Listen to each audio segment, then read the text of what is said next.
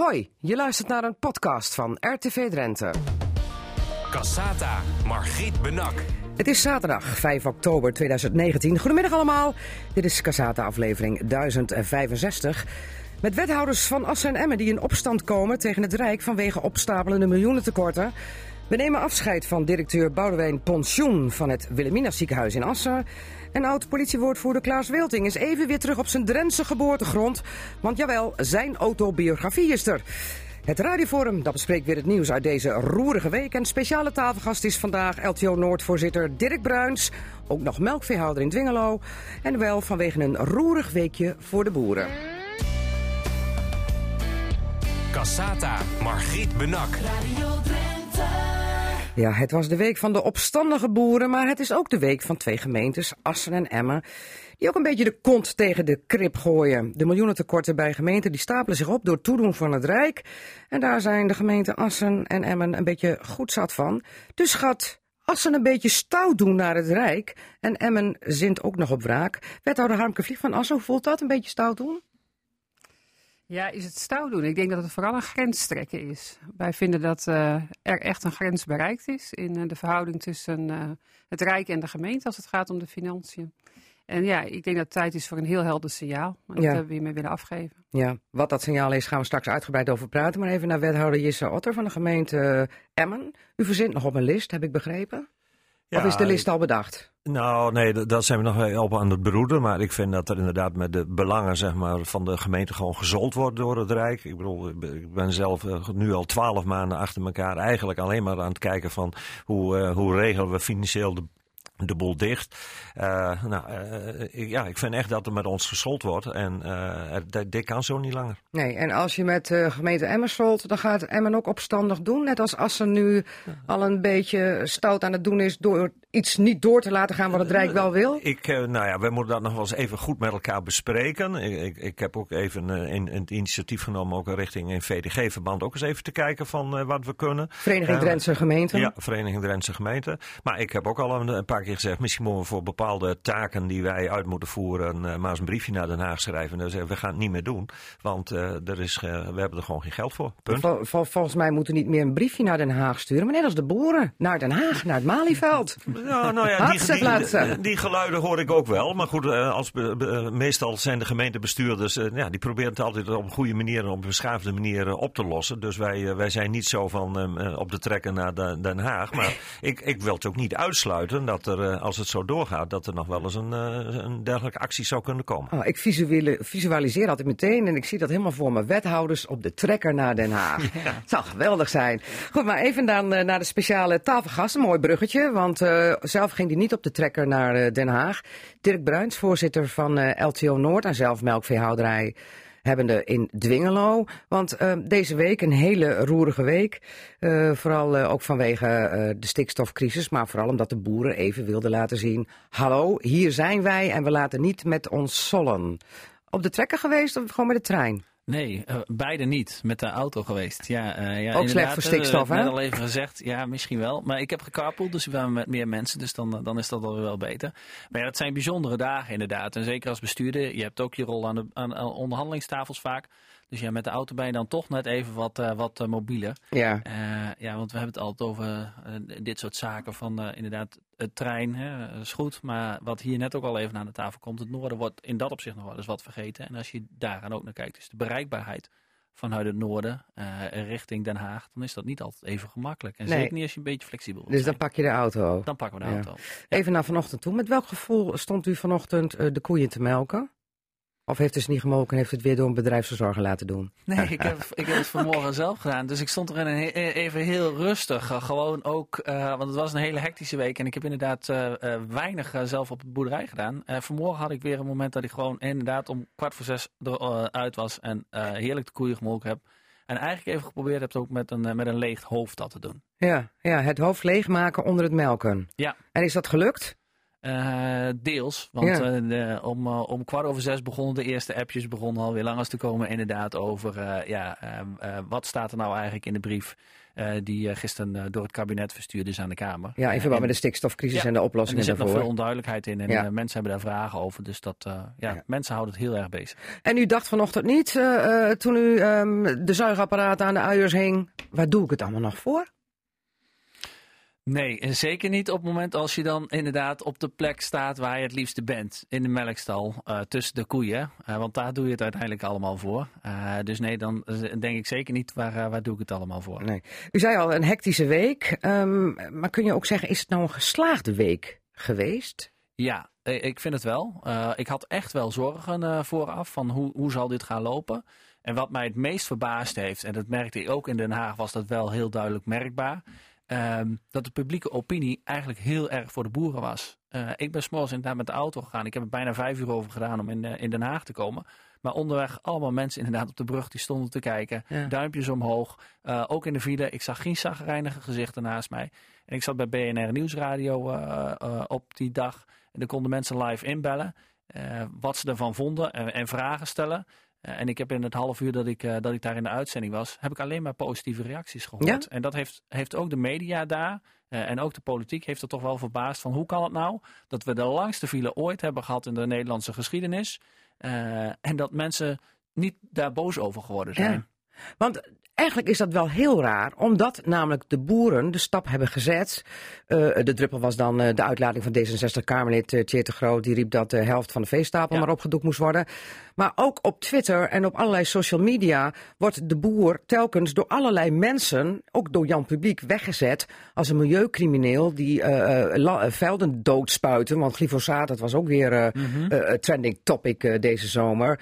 En ook als het gaat om, om, om de stallen bezetten, eh, En dan Ja, is het raar het dat er op is- zo'n dag ineens duimpjes omhoog gaan. Nee, want het is wel iets wat ik, wat, wat ik gewoon waarneem in zijn algemeenheid. Eh, als je in de, eh, in de maatschappij rondkijkt, dan zie je vaak eh, aan de flanken zie je de extremen zitten. En die hebben een hele duidelijke mening en die roepen heel hard. En dan lijkt het net alsof er een hele grote groep daarvoor is, maar de middengroep is heel gematigd. Die beheersen hier- het debat, zeg maar. Ja, dat is hier. In, de, in, in, in Ja. dat opzicht is dat ook zo. Oké.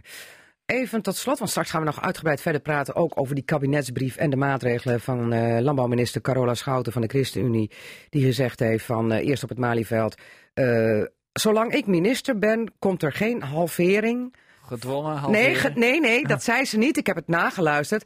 Komt er geen Klopt. halvering van de veestapel. Later is in een publicatie van de Rijksoverheid het woord gedwongen erin gefietst. Ze had het misschien toe moeten zeggen, maar dat heeft ze niet gedaan. Ik heb het beeld twee keer teruggespoeld. Ja, klopt Maar, inderdaad. ja, maar wat bent u er nou mee opgeschoten?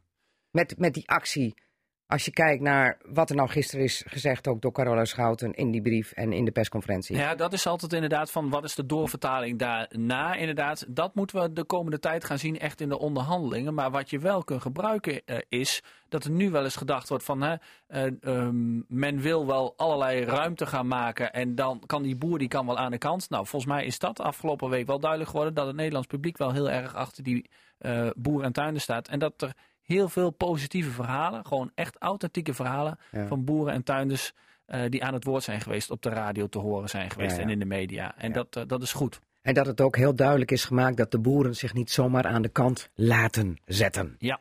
Oké. Eh, we gaan straks uitgebreid verder praten over eh, de stikstofmaatregelen van Carola Schouten. Eh, of althans van het hele kabinet. Maar zij is uitvoerend minister. En wat dat betekent straks voor de boerenbedrijven en vooral ook in Drenthe. En ook komen er nog verdere acties. Want er gaan al- op social media allerlei geruchten. Een bezetting van Schiphol. En wat is daar allemaal van waar? Is er nou een scheuring in het boerenfront? inmiddels ook wel dat alles wat op Facebook staat niet altijd waar. Ja, je hebt ook te maken met nepnieuws. Maar eerst even wat geen nepnieuws is. Dat is namelijk de miljoenentekorten bij de gemeenten. Vooral bij de grote steden eh, als Assen en Emmen. 11 miljoen tekort moet Assen even wegpoetsen voor volgend jaar. Eh Harmke Vliegt, wethouder van de gemeente Assen. Niet financieel wethouder trouwens, maar eh, wethouder van met name het sociaal domein. Want de grootste oorzaak zit hem in Het sociaal domein. het sociaal domein. Ja, Jeugd en WMO, daar zien wij grote tekorten. ja wet maatschappelijke ondersteuning vertaal ik dan nog maar even. Maar ik denk dat iedereen inmiddels wel weet wat WMO is. Maar hoeveel is het tekort daar in Assen? Eh, wij verwachten dat we structureel een tekort van 6,4 hebben op het sociaal domein. Dus van die 11 miljoen is het 6,4. eh, Ja, dat is dus een, en eh, meer dan de helft, zeg maar. Ja. Ja. En, en hoe zit dat bij Emmen, Jesse Otto? Want jullie hebben een tekort in de gemeente Emmen van 4 miljoen. Maar dan moet ik meteen zeggen, hadden. En het klinkt, klinkt natuurlijk een stuk beter, maar er kwam ineens als een duveltje uit een doosje deze week 2,8 miljoen overheen. Ja, maar die 4 miljoen is over dit jaar, 2019. Ja? Oh, oké. Okay. een sluitende begroting voor, uh, voor volgend jaar. En daar kwam ja, maar je maakt hem sluitend door een gat weg te poetsen. Nou, iets minder te gaan sparen. Hè? Dus, uh, dus we zetten ook nog wat opzij. En dat bedrag hebben we wat verlaagd. Maar nu, in principe was die uh, zeg maar rond. en maandagavond kwam daar in één keer weer onverwachts 2,8 miljoen bij. Dus op dit moment staan we in ieder geval 2,5 miljoen in de min. En ja, dat moeten we maar, maar, weer zien te sluiten. Ja, en hoe komt u ineens aan dat tekort van 2,8 miljoen? Leg even kort uit, waar, waar, waar, is dat voor? Nou ja, wij krijgen geld om bijstandsuitkeringen te betalen. de buig heet dat. En uh, bij het Prinsjesdag worden dan de zogenaamde macrobudgetten. Hè? Hoeveel geld wordt er landelijk voor uitgegeven? Nou, dan weten wij, wij zijn 0,87% van, van dat totaalbedrag. Dus dan weten we precies, dit is totaal. En dan weten we ook hoeveel geld wij krijgen. Ja. Nou, en daar blijkt nu weer iets in die verdeling aangepast te zijn. Waar wij ook helemaal niets van weten. Waar niemand wat van weet. maar dat scheelt ons dus 2,8 miljoen. En er was een slimme ambtenaar die dacht op maandagavond, ik ga eens even kijken voor de zekerheid uh, hoe de stand van zaken is. Ja, en tot zijn grote schrik ontdekte hij ineens. S'avonds om half twaalf kijkt hij even. En uh, toen heeft hij ons in ieder geval, zelf heeft hij er slecht van geslapen. Hij heeft ons nog lekker laten slapen. Ja. Maar de volgende morgen, ja, toen kregen wij eigenlijk deze bom. Want op, wij zouden dinsdagmorgen de begroting vaststellen. Ja. Dus zo onverwachts komt dat uit de lucht vallen. En eigenlijk weten we tot op nu nog, op dit moment nog steeds niet waardoor dit Ja. nu exact veroorzaakt wordt. Misschien doet een goed eh, voorbeeld volgen. Want in Assen-Harmkevlieg hebben jullie ook ineens eh, te maken met een rijksmaatregel, maar eigenlijk alle gemeenten, eh, waarbij een soort abonnement, of een soort, er is, het is gewoon een abonnementstarief wordt ingevoerd voor eh, de algemene voorziening eh, op eh, WMO, Wet Maatschappelijke Ondersteuning. Schoonmaak. Op, op de schoonmaak, ja. En, en daar gaan jullie eh, van zeggen van, dat gaan we niet doen. Dat klopt. Ja, wij eh, komen dus 6,4 miljoen tekort op het hele sociaal domein. Ja, Eh, het Rijk heeft bedacht dat we per 1 januari de algemene voorziening schoonmaak eh, nu ook onder het abonnementstarief moeten brengen. Als wij dat doen, kost ons dat nog anderhalf, anderhalf miljoen meer. Ja, wij kunnen dat gewoon eh, niet dragen. Want dat brengt eigenlijk het tekort op het sociaal domein op 8 miljoen, Ja. zeg maar. Absoluut, ja. En jullie zeggen van, we gaan het niet doen. Wij gaan het niet doen. En daar hebben we meerdere redenen voor. Eigenlijk is de belangrijkste reden dat we nu die algemene voorziening hebben en dat die prima functioneert. Dat onze inwoners daar ook gewoon tevreden over zijn, blijkt uit eh, de onderzoeken. Ehm, ja, en het is een maatregel van het Rijk om de Ja. middeninkomens tegemoet te komen, terwijl het ten koste gaat van de lage inkomens. Ja, want leg even uit, hoe werkt het? Want een abonnementstarief gaat dan gelden voor iedereen die schoonmaakhulp wil hebben. Dan moet je 19 euro vanaf 1 januari betalen per maand. Per maand, precies. En dan kun je aankloppen bij de gemeente van, eh, ik heb een wat zere rug, ik wil schoonmaakhulp.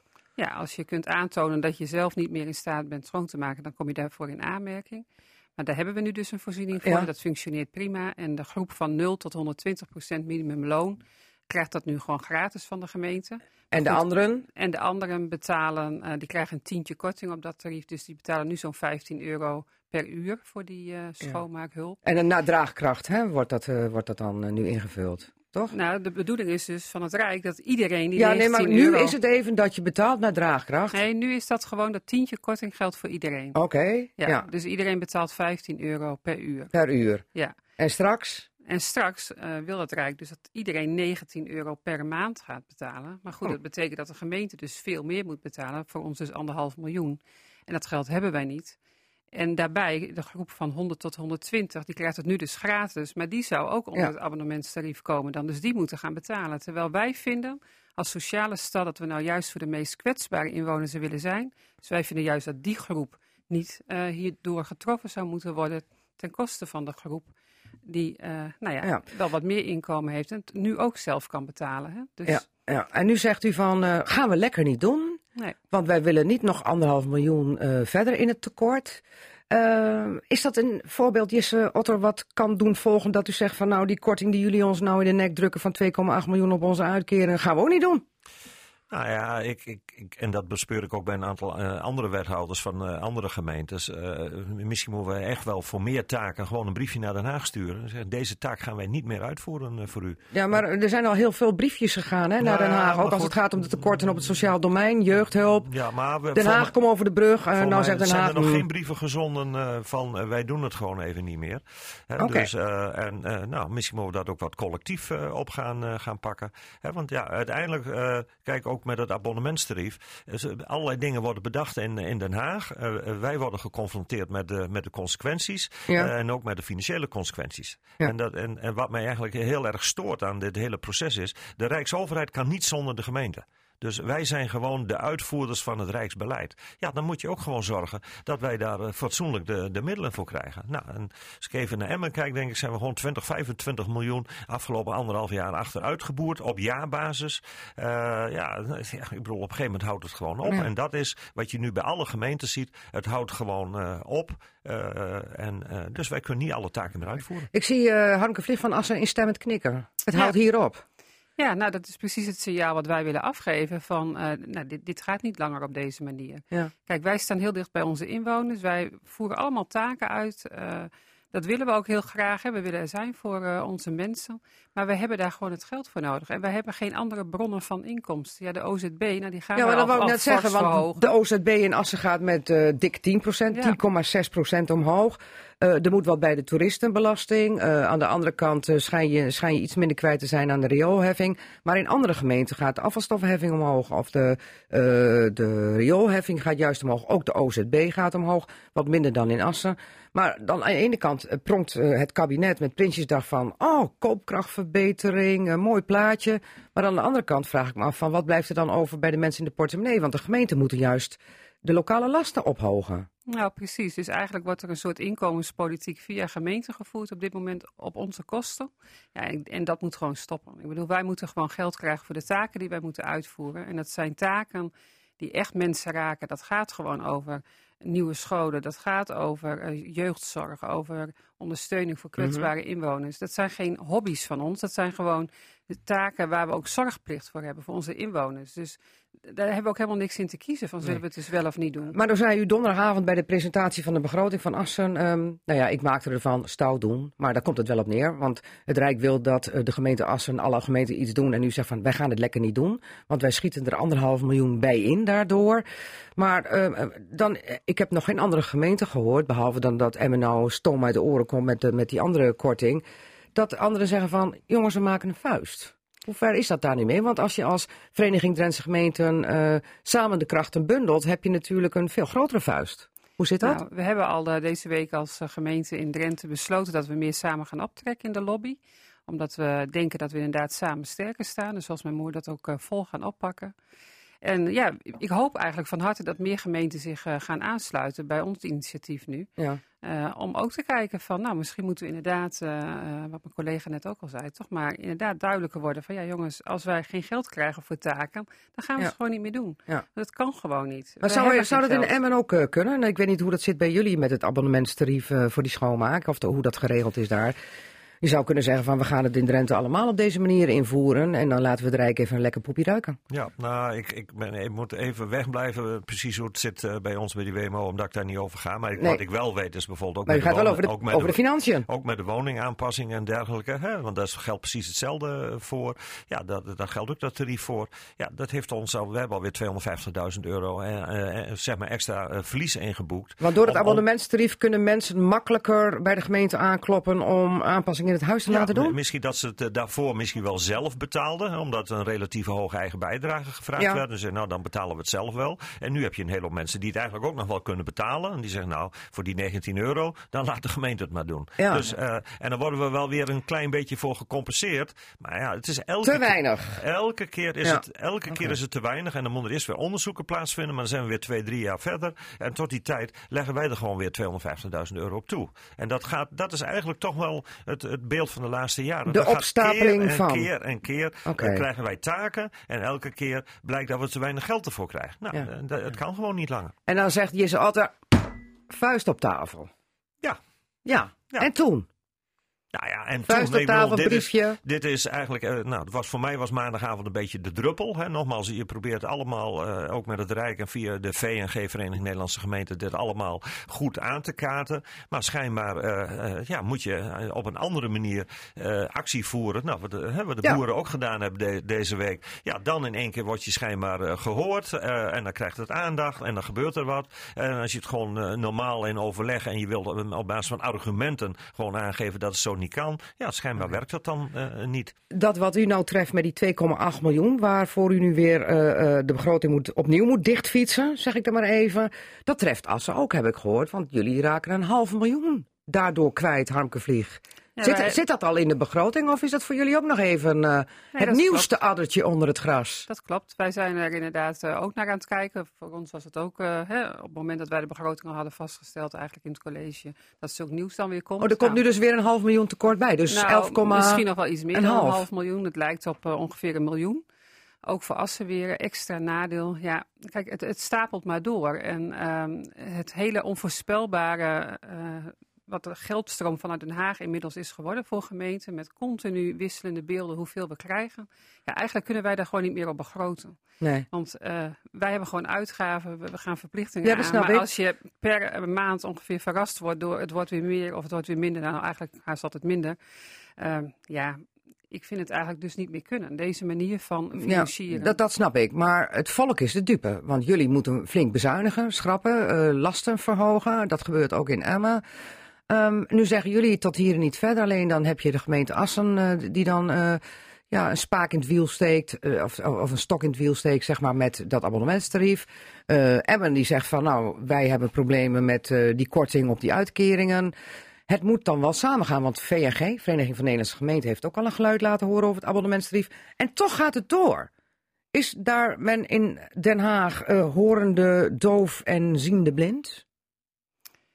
Gezien Ja, nou, alles wat er nou al aan kritiek richting Den Haag is gegaan, Jesse Otter? Nou ja, ik denk dat we het, het laten we zeggen, te bestuurlijk in goed overleg met goede argumenten eigenlijk steeds proberen op te, Te lossen. lief. En- ja, ja, nou ja, ik denk te, te lief. Ja. dus uiteindelijk eh, moet, je, moet ook eh, het VNG denk ik maar eens een keer een streep trekken. En zeggen, nou stoppen wij uh, gevorderd overleg en wij stoppen het uh, overhevelen van taken. Totdat zeg maar de oude taken dat die Ja. voldoende voorzien zijn van, van voldoende financiering. Ja, maar nu is er ook in Assen al een geluid geweest vanuit de gemeenteraad, Harmke Vlieg, die zeiden van, wij gaan helemaal geen gaten dichtfietsen, want dan lossen wij eigenlijk het op, terwijl het Rijk moet zien hoe het water tot aan de lippen staat bij gemeenten. En dit is dan één klein onderdeeltje daarvan wat u nou als stoute daad gaat doen? Nou, dit is inderdaad ook een wens die inderdaad in onze raad heel erg leeft. Zo van ja, het is het probleem eigenlijk van Den Haag. En waarom moeten wij dat oplossen? Moeten wij nu van alles gaan afbreken wat we eigenlijk overeind willen houden? Mhm. Hè, want je moet bezuinigingen doorvoeren die je eigenlijk helemaal niet wil. Ja, Eh, ja, en, en dat doet gewoon heel erg pijn. En eh, nou, eigenlijk had de raad inderdaad heel erg de houding van, nou, dat moeten we maar gaan isoleren of zo in de begroting. En d- dat gaan we gewoon niet doen. We gaan het niet oplossen. Maar ja, aan de andere kant voelen wij ons als bestuur van de stad Ja. natuurlijk wel verantwoordelijk voor een eh, sluitende begroting. ja want anders kom je onder curatele te staan van de provincie, hè, dan geloof ik. Wordt er, ja, dan krijg je preventief toezicht. Ja. En eh, ja, kijk, dat wil je natuurlijk ook niet. Want daarmee gooi je de ontwikkelingen in Ja. je stad ook op slot. Want dan eh, kun je ook geen uitgaven eh, meer doen. En je ambities voor je stad ook niet waarmaken. Het is duidelijk dat jullie daar ernstig mee zitten. Alleen de vraag is nu, hoe los je het op? En volgens mij los je het alleen maar op als je eh, samenspant als gemeente. Hoe snel gaan jullie, ja, er zitten de- de- allebei te knikken. Dat- Hoe snel gaan jullie om tafel bij de Vereniging Drentse Gemeente, om mijn part, om dit varkentje, en dat varkentje is dan in dit geval het kabinet, even te wassen? Ja, nou ja, er zijn volgens mij al allerlei acties eh, en naar de eh, VDG en naar het VNG allemaal al eh, uitgezet. Ja? maar goed, ja, laten we zeggen, moet ook even wat op, op stoom komen. Maar, ja, volgens ik- mij ik- was ik u van de week merkte- behoorlijk op stoom. Ja, maar goed, ik merkte eh, gisteren ook, ik bedoel, ja, dat ook heel veel collega's eigenlijk de actiebereidheid toeneemt. Dus eh, ja, wie, wie- weet waar we volgende week staan. Maar eh, ik, ik, nou, wij- ik, wij zijn wel even een ander type, denk ik, actievoerder weer dan, eh, dan, dan de Dan de boeren. boeren. Dus wij zullen het ook wel weer op een andere manier eh, Bij ons, oppakken. bij ons was het ook 30 jaar geleden voordat er een actie geweest was. Nou, daarom dus. eh, Nou, laten we, we hoeven er toch geen 30 jaar op te Nee. wachten eh, dat die wethouders richting Den Haag nee, opstomen. Ik, ik bedoel, d- er moet echt dit jaar echt, echt, iets, echt iets gebeuren. Oké, ehm, eh, krijgt Harmke Vlieg nog een oorvijg van de minister als ze zegt van ik ga het lekker niet doen? Nou, ik hoop vooral op, eh, op contact. Dus ik eh, wil ze heel graag ontvangen om uit te leggen waarom wij dit doen. Want ik blijf denken dat men toch niet goed begrijpt eh, voor welke enorme opgave wij staan. Dat moet gewoon gehoord worden. Goed, we gaan afwachten in hoeverre de Vereniging Drentse Gemeenten samen opstond naar Den Haag. Om daar eens even te laten merken dat het tot hier is en niet verder. Wethouder Jisse El- eh, Otter van Emmen, dank voor uw komst. En Harmke Vlieg van de gemeente Assen, succes met de strijd. En dan zeg ik moedig voorwaarts. Cassata. Cassata. Margriet Benak. Hij is eh, afgelopen maand eigenlijk geruisloos vertrokken na 12 jaar Wilhelmina ziekenhuis in Assen. Maar op de dag dat de boeren in opstand waren, behaalde hij officieel zijn pensioengerechtigde leeftijd. En dan heb ik het over Boudewijn Pensioen, moet ik dan zeggen. De pensioen en pensioen. Eh, eh, toch voor u een heugelijke dag dan, 1 oktober of niet? Of begin van een nieuw tijdperk? Ja, dat laatste zeker. Hè? Het moet nog een beetje indalen hoor. Ja? Maar nee, het is zeker. Het is, het is echt een, een nieuw, nieuw tijdperk, een nieuwe nieuw- fase in mijn, in mijn leven. Ja, en ook een hele spannende fase om toe te kijken hoe het verder met de ziekenhuizen gaat. Maar daar gaan we zo meteen uitgebreid over praten. Want ehm, ja, u krijgt dan pensioen op de dag dat Treant bekend maakt, uw collega in, eh, in eh, Hoogveen en Stadskanaal en Emmen, dat daar 500 banen eh, verloren gaan. Daar gaan we zo meteen uitgebreid over praten. Want eerst even naar de speciale tafelgast, zoals altijd. En het is vandaag Dirk Bruins, voorzitter van LTO Noord sinds deze zomer. En ook melkveehouder in eh Dwingelo. Hoe groot is trouwens eh, Boer Bruins in Dwingel? Eh, Boer Bruins heeft bijna 140 melkkoeien. En, eh, 140. en nog wat eh, jong vee daarbij, dus dan in totaal een eh 220, 230 dieren. Oh, dus is- u zit boven het gemiddelde. Eh, wij zitten iets boven het gemiddelde inderdaad. Ja, want het gemiddelde is tegenwoordig 180, 170. Wat was het? Ja, nou, als je het relateert aan het aantal melkkoeien, dan zit dat ongeveer rond de 100 melkkoeien inderdaad. De kleine 100 melkkoeien. Dat Ja, dan heb je jongvee niet mee, dan eh, zit het gerekend. niet bij. Nee, Oké. nee, nee. Nou, laten we eens kijken naar het laatste nieuws van gisteren. Eh, toch een kabinetsbesluit gevallen. Maatregelen om de stikstofcrisis op te lossen. Die wordt toch gezocht bij de boer. Voor En- een deel, ja. En, en bij ehm, de auto's op de weg, de snelheid. Ja. De snelheid op de provinciale wegen en de snelwegen. Dus eh, ja, het zat er wel aan te komen, hè? Het zat er wel een beetje aan te komen inderdaad. Maar gisteren al? Had je mm. dat gedacht? Mm, eh, ja, dat is, altijd, nou, dat is altijd afwachten in dit soort processen. Dat weet je nooit. Nee. Eh, maar de druk is wel heel erg groot. Dat merk je aan alle kanten. Eh Bouwend Nederland geeft natuurlijk aan dat die eh, dat heel veel problemen hebben. eh, maar ook gewoon een heel aantal belangrijke projecten. Eh, maar ook voor, de, voor ons eh, als landbouwsector. Er zijn op dit moment, dat, eh, heel veel mensen realiseren zich dat niet, denk ik. Maar er zijn zo'n kleine 4000 bedrijven, geloof ik, die het betreft. Die eigenlijk geen duidelijke status hebben als het gaat over hun bedrijf. Nee, Omdat maar die hebben geen, geen echte vergunning meer. Want Nee, hun die- vergunning op basis van het programma aanpak stikstof is vernietigd. Ja, Bestaat niet inderdaad. meer. En dus die boeren hadden keurig netjes allemaal hadden die een vergunning aangevraagd. Is allemaal vergund. Ze hebben daar ook allemaal geld voor betaald. Vaak Ja. om zo'n vergunningsprocedure door te lopen. Eh, en nou door de uitspraak van de Raad van State eh, is die vergunning er niet meer. Eigenlijk mogen ze helemaal geen koeien in de wei weiden, hè?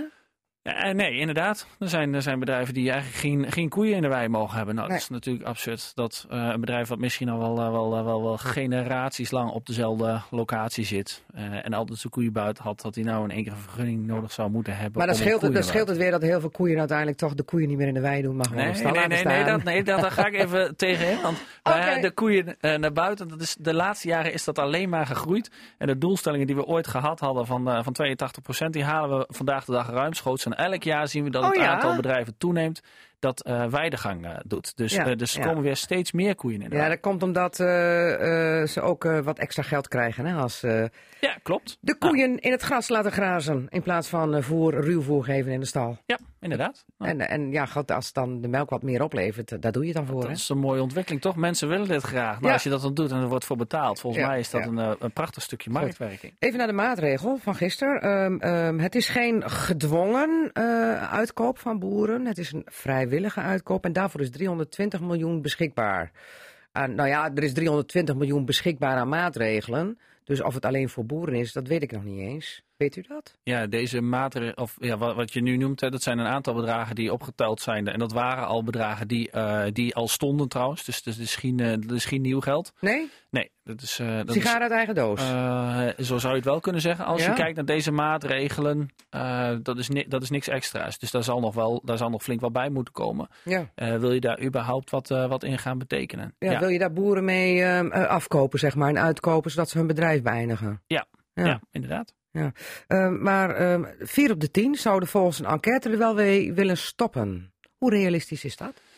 Nou ja, dan moet je echt heel goed naar deze enquête kijken, hoe die opgezet is en met de vraagstelling die er is. Want als je daar goed eh, naar kijkt, dan zeggen eigenlijk, eh, zegt bijna iedereen van ik wil helemaal niet stoppen. Ah. Ehm, alleen eh, dan komt de vraag langs van stel dat je op een plek zit waar het lastig is en de overheid is bereid om je uit te kopen. Eh, ben je dan bereid om te stoppen of te verplaatsen? En daarvan zegt eh vier van de tien zegt, ja die bereidheid is er bij ons. Ja, maar verplaatsen of stoppen is wat anders natuurlijk, Ja, dat, hè? dat klopt, dat klopt. Want als je het verplaatst, is een stikstofprobleem, is de hoeveelheid stikstof niet weg, maar wel als je aan een natuurgebied ja, grenst. Ja, maar daar gaat het, daar gaat Ja. het vandaag de dag over. Die stikstofproblematiek is veel ingewikkelder. Het gaat niet over de totale hoeveelheid stikstof die uitgestoten wordt. Het gaat over de totale hoeveelheid stikstof die uitgestoten wordt rondom Ja. of nabij een Natura 2000 En dan zitten we in Drenthe heel beroerd, hè? Want we hebben heel veel rode plekjes met Natura 2000 Niet alleen in. Drenthe, dat is in heel Nederland. En dat is, ook, dat is wel het grote probleem wat we ook continu aangeven. Er is een enorme versnippering. We hebben 163 gebieden. En ik weet niet hoeveel als Duitsland er heeft, maar die heeft er maar een paar. Ja, maar Eh, Duitsland is veel groter door, door, door. Maar die is veel groter, de, de, de, maar die is, Ja. is veel minder versnipperd eh, als, eh, als bij ons. En daar Ja. zit het probleem inderdaad. Die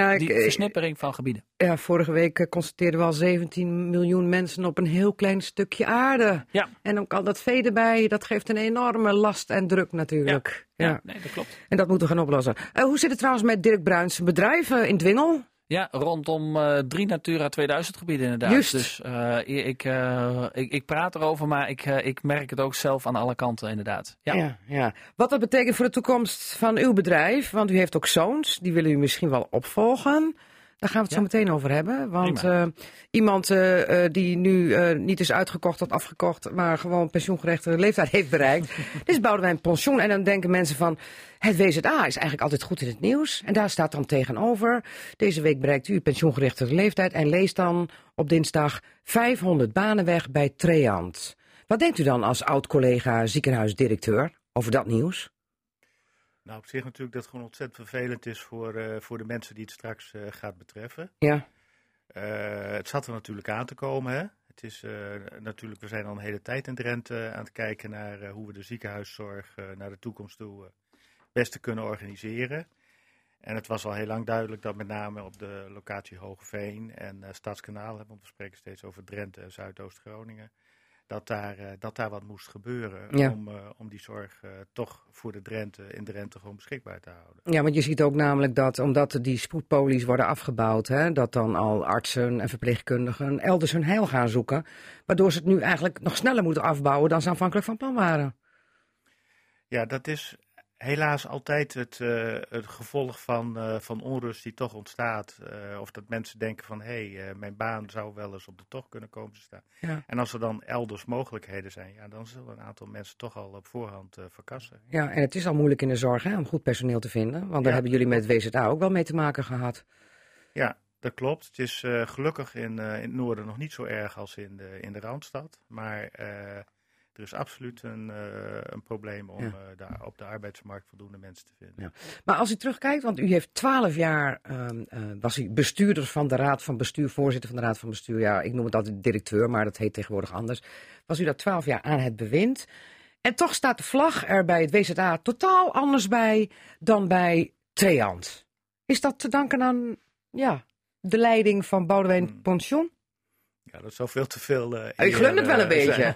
nou, het is natuurlijk wel leuk om te horen. Ja, Maar dat zou veel te veel eh eer zijn. Nee, dat doe je gewoon met elkaar. Het heeft natuurlijk, of het heeft mogelijk wel te maken met een aantal beslissingen die je, die je met elkaar neemt. Kijk, wij zijn nog steeds een niet gefuseerde organisatie Nee. als, als een WZA. En, en nog je steeds kunt- een stand-alone ziekenhuis, Ja, nou ja, goed, niet over dat dat zaligmakend is, maar je kunt je inderdaad in bijvoorbeeld in relatie tot Triant afvragen of het eh, verstandig is geweest om eh, die drie zie- ziekenhuizen samen te brengen onder één eh, organisatie. Ja, ja. Maar ja, achteraf Om met de boer te spreken, Ja. kiki en koe in het gaat, hè? Ja, En dan krijg je een hoop stront over je heen, zeg ik er nog wel eens bij. Maar ehm, eh, het WZA, hoe wrang het ook klinkt, plukt nou wel de vruchten van wat er bij Treant aan de hand is. Want ehm, ik heb begrepen dat ze bij het WZA het eigenlijk bijna helemaal niet meer aan kan, kunnen vanwege de patiëntenstroom die nu naar, ja, uw ziekenhuis wil ik nog zeggen, maar ach, dat is eigenlijk nog wel een beetje zo, die naar het WZA in Assen gaan. Toch?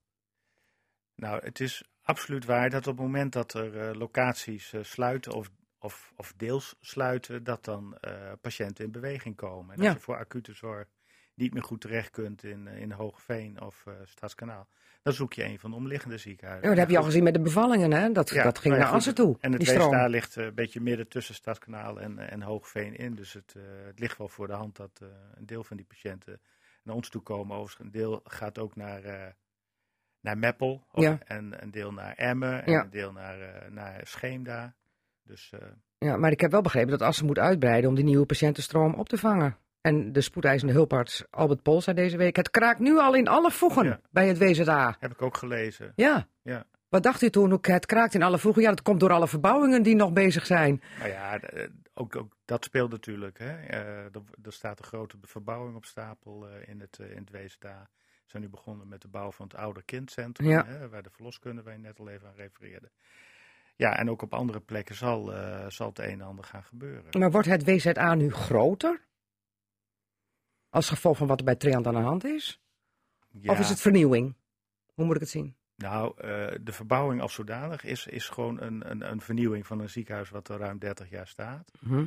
Ehm, maar als gevolg van wat er nu in Drenthe, Drenthe gebeurt, eh, dat zal een patiëntentoestroom betekenen.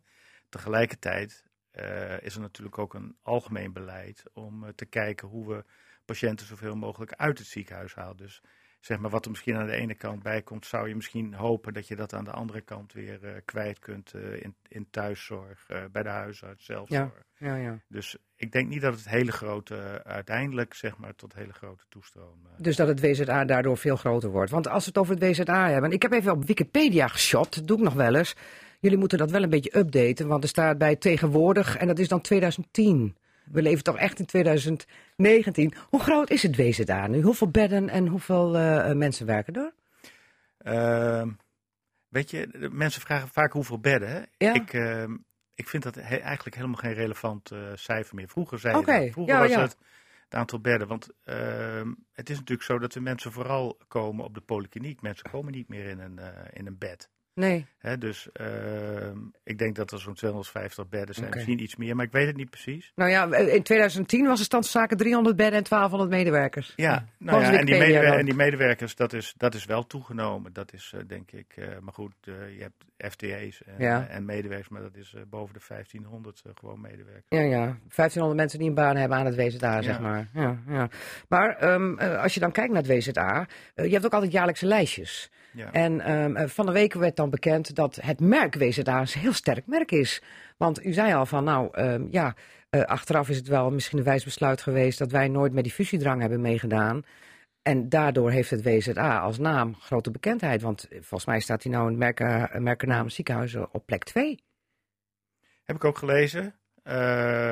Maakt u dan toch een klein vreugdedansje? Nou, dat, tuurlijk, daar, daar, daar heb je in ieder geval, daar maak je wel, krijg je wel even een glimlach eh, van op je gezicht. Eh, maar dat denk ik sowieso. Ik denk dat, eh, dat het WZA gewoon een, een goed imago heeft opgebouwd de afgelopen jaar. Daar, voel ik, daar ben ik wel trots, daar ben ik wel trots op. Even los van dat dat natuurlijk niet door mij persoonlijk gebeurt. Nee, maar, Maar dat doe je met z'n allen, maar door- u- door de wel mensen- onder uw leiding. Ja, maar goed, het is, het is gewoon ontegenzeggelijk waar dat, we, dat het merk WZA gewoon een, ja, een stuk beter is dan, dan een decennium eh, geleden. Ja, want het, het- de naam bestaat natuurlijk ook al meer dan 100 jaar, hè? Wilhelmina ziekenhuis Assen. Ja, Toch? Nou, het heette eerst ooit geloof ik alleen maar Wilhelmine ziekenhuis, maar Ja, nou ja, het is de A 110 van jaar, nee, het ja. is eh, meer dan 110 jaar oud. Ja, ja. Maar eigenlijk, want u zegt van achteraf is het eh, heel goed geweest dat we niet in die fusiedrang hebben meegedaan. Maar u heeft wel naar een partner gezocht, want u heeft eerst naar het noorden gekeken, met Martini ziekenhuis samengaan, ook met Drachten. En uiteindelijk is dat, dat weggetje eh, opgehouden. Het was toch een doodlopende weg. U heeft nog wel rondgekeken, want u heeft destijds ook wel eens gezegd van we zijn wel een klein streekziekenhuis, we moeten wel Ja. samenwerking Nee, zoeken. maar dat is precies het woord. ehm, samenwerking en als samenwerking eventueel het beste kan worden vormgegeven door fusie, dan is dat, is dat prima. Maar het gaat primair om samenwerking. En wat je, wat je vaak ziet, vind ik, is dat eh, bestuurders eh, eerst koers op fusie en daarna eh, denken, oh ja, dan moeten we ook nog gaan samenwerken. Hm. En het moet naar mijn idee andersom. Eh, en inderdaad, we zijn, ondanks alles, zijn we nog steeds een. ik praat steeds over wij. Hè, Ja, tuurlijk. Vanaf 1 oktober niet meer werk. Nou ja, goed, die heeft er twaalf jaar gewerkt. Het was maar het kindje. is een, is een relatief eh, eh, klein ziekenhuis en heeft samenwerking absoluut nodig. En Ja. Volgens mij is het ook zo dat er geprobeerd wordt om ook met de Treant, maar ook met anderen, ook met UMCG en ook Mhm. met Martini en anderen, gewoon wel eh, goede samenwerking op poten te zetten. Maar dat is ook gebeurd in het kader van die Drentse ziekenhuiszorg. Omdat er problemen waren bij Treant. Dan moest het wel in Drenthe opgevangen worden. Ja. Wil eh, de basisziekenhuiszorg in Drenthe niet in gevaar komen? Daarom Ja. heeft het WZA toch ook aan tafel gezeten. Zeker. En gaat toch ook een belangrijke rol vervullen in het hele verhaal? Zeker. Ja, ja. Vindt u het jammer dat u daar niet meer bij bent? Of ook toch aan de andere kant wel een beetje een opluchting? Omdat je dan toch als WZA misschien ook een beetje overgeleverd wordt aan alles wat nu bij Treant gebeurt. Of dat- maakt u daar zich geen zorgen Nee, dat over? laatste, eh, dat laatste niet. Ehm, kijk, dus, je zei het net al, ik ben eh, ruim twaalf jaar bestuurder geweest. Dan is het op zich ook wel een keer mooi. Ehm, er staan nieuwe dingen op stapel. Inderdaad, wat er nu in Drenthe gebeurt.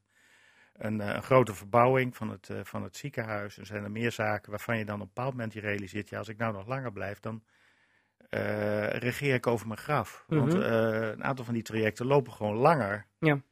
Ja. dan, eh, dan de periode dat jij er eventueel nog zou, eh, zou zitten. Dus ik vond het was een heel goed moment ook om het stokje over te dragen tegen Antwerpen. Gaan jullie er nu maar. Ja, ja. Dus even lekker met frisse St- stokje, tegenaan. stokjes overgedragen aan Paul van der Wijk. Ja. Maar die komt denk ik wel in een heel andere periode van de ziekenhuiszorg terecht dan dat u aan het bewind was, toch? Nou, ik zou niet weten. Het gaat gewoon door. Hij is Ja. gewoon op de rijdende trein gesprongen. Ja, dat snap ik. Maar ik de- af was. vanwege de veranderingen, ook in Drenthe, eh, aan de zuidkant en bij Stadskanaal. Ja, maar dat eh, was natuurlijk ook al een tijdje aan de gang. Hè? Ja. Dat is niet iets wat nu opeens op 1 oktober eh, zijn beslag eh, krijgt. Dat is al een hele tijd eh, aan de gang. En in feite eh, ja, pakt hij dat gewoon, eh, Ja. gewoon over. ja, Maar het betekent ook niet echt een echte koerswijziging voor het, eh, voor het ziekenhuis. Nee. Nee. Nee. in feite is het gewoon voortbouwen op dat waar we wel mee bezig zijn. ja, ja. En als je dan in de top 100 van de ziekenhuizen op de 18e plek staat, terwijl Treant en het Diakonessenhuis Meppel ergens onderaan bungelen, vervult u dat dan ook een beetje met trots? Nou, ik moet zeggen, die 18 was eigenlijk best eh, laag voor ons. Want Oh. we, hebben, we hebben heel veel jaren lang eh, stonden we meestal in de, in de top 10. En vel- zelfs nou, twee, keer- twee keer op eh, drie gestaan. Ja. Overigens, dat zijn oliebollenlijstjes van de AD. Hè? Oh, oké. Eh, ik moet het zien als die oliebol. Maar, nee, maar weet je, het, is wel zo. Wij hebben, en dat is, door een, dat is de, dat een keer door de Universiteit van Nijmegen uitgezocht. Dat we in al die oliebollenlijstjes wel steeds steady in de top eh, meedraaien. En dat is dan weer wel Ja. en goed, dan kun je zeggen, nou, het gaat niet om die, om die ene keer of wat dan ook, maar dat je gewoon toch steeds goed scoort. En da- daar had je het Ja. straks over, dat imago. Ja, we hebben denk ik gewoon het, eh, het heel goed gedaan de afgelopen Ja, jaren. ja. Wat is vooral de kracht, even tot slot, van uw WZA? Dan noem ik het zelf maar even. Of te- Ehm, ja, ik, ik vind gewoon de mensen die daar werken en die, eh, die eh, vol overtuiging proberen om hele goede patiëntenzorg te bieden. En daar gaat het uiteindelijk om. Ja, want die maken het op de werkvloer natuurlijk. Ja, hè? Die, die maken ook dat mensen er wel of niet graag eh, terugkomen. Ja. Want mensen kunnen tegenwoordig wel gaan shoppen, natuurlijk. Als ze bij het ene ziekenhuis niet terecht kunnen, dan gaan ze even kijken bij de andere. Ja, maar Ja. ik vind het wel leuk om te zien op eh, bijvoorbeeld als je op de social media kijkt, als eh, bijvoorbeeld het WSTA weer een post heeft op, de, op Facebook. En je kijkt hoe, hoe daarop gereageerd wordt. Dat, dat, dat is echt hartverwarmend. Hoeveel mensen daar ontzettend positief op, op reageren. En uiteindelijk zit dat, ja, dat is voor mij ook het hoogtepunt. Gewoon dat eh, we het zo goed doen en dat de patiëntenzorg eh, zo gewaardeerd wordt. Eh, even tot slot, blijft u dat volgen op social media, wat er gebeurt met het WZA? Zeker. Goed. En wat gaat u zelf doen? Lekker genieten? Ja, nou, ik heb best nog wel een paar klusjes. Eh, en ik, het is ook niet zo dat ik achter de geranium Maar klusjes, even heel kort. Wat, wat, wat voor Nou, ik zit nou bijvoorbeeld eh, in, eh, in de pensioenraad van het, eh, het, het Zorgpensioenfonds. Ja. Actueel natuurlijk Ja. ongelooflijk eh, Ja. spannende tijden, dus dat is heel erg mooi. Ja. Ik heb tot 1 oktober eh, de onderhandelingen gedaan over de CAO. Niet gelukt? Daarin Niet gelukt. gefaald? Dat is, dat is heb ik in ja, heel spijtig, maar daar, eh, daar, daar zal ook ongetwijfeld nog wat vervolg op komen. Ik ga u bedanken voor uw komst en veel succes en sterkte nog wensen met alles wat u nog gaat doen. Boudewijn Pensioen, dank voor uw komst naar Casata.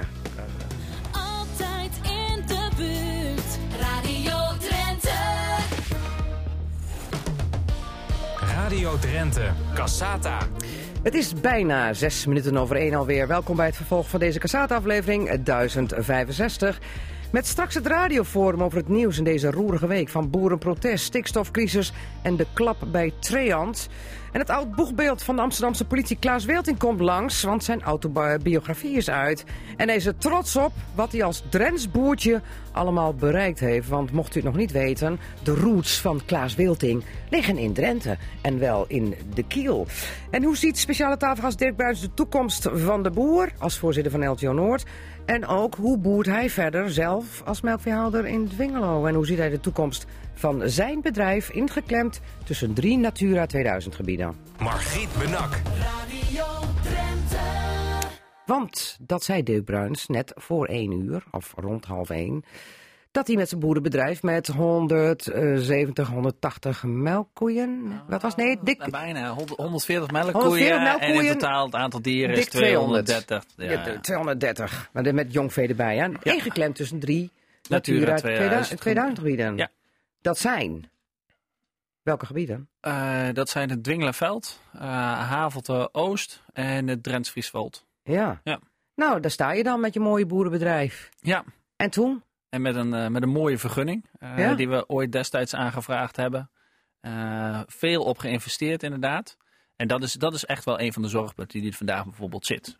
Dat mensen zeggen van ja, die vergunning, wat betekent dat? En in ons geval ook. En je vraagt de vergunning aan. Eh, je bouwt een stal. Eh, Hoe nou, lang is zoals- dat ook alweer geleden? Eh, in, in ons geval was dat in 2014 dat wij de stal gebouwd hebben. Ja. Nou, dan ga je in stapjes ga je, ga je proberen je bedrijf te ontwikkelen in hele normale stappen. Een beetje grond bijkopen.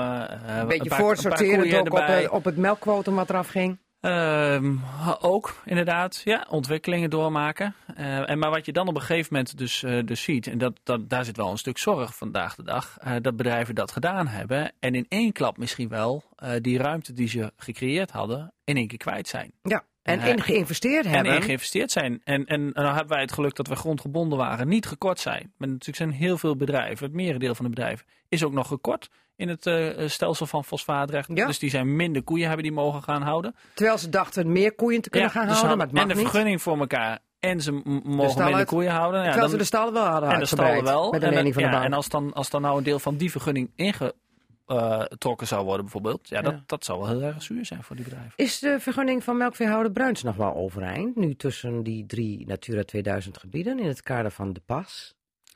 Eh, onze vergunning eh, is op dit moment nog overeind, inderdaad. Eh, maar met wat voor ligt, is wel de vraag wat er in ieder geval gebeurt met de ruimte die je nog niet helemaal benut hebt. Mhm. En waar wel alle ruimte voor is als het gaat over de hoeveelheid grond, de gebouwen.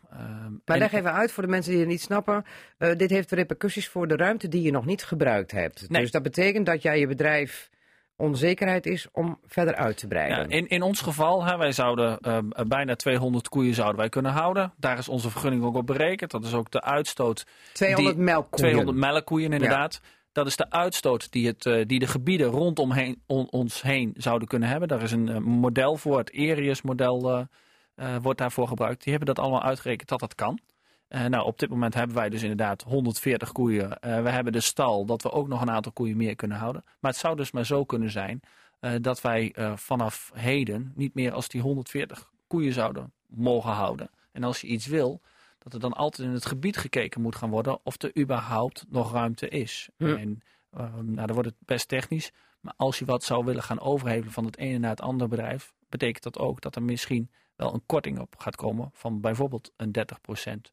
Als het gaat over die hoeveelheid Oh. eh, ammoniak. ja, dus bij de een er wat af en bij de ander kan er dan wat bij. Ja, maar dan wordt er dus wel afgeroomd, zoals gezegd. Ja, ja, en dat zou dus kunnen betekenen dat als daar veel bedrijven op een kluitje zitten, ingeklemd tussen die drie Natura 2000 gebieden, dan zal er altijd wel een bedrijf, of misschien wel twee, uitgekocht moeten worden. Ja, Dat moet je nou allemaal gaan bespreken met de Nee. provincie en, het Rijk. En, ja, en dat is op zich wat wij wel voorgesteld hebben. Het, wat goed daaraan is dat je naar eh, gebieden gaat kijken en gebiedspecifiek oplossingen gaat zoeken. Dus dat Ja. zou best kunnen zijn dat er een bedrijf bijvoorbeeld zit.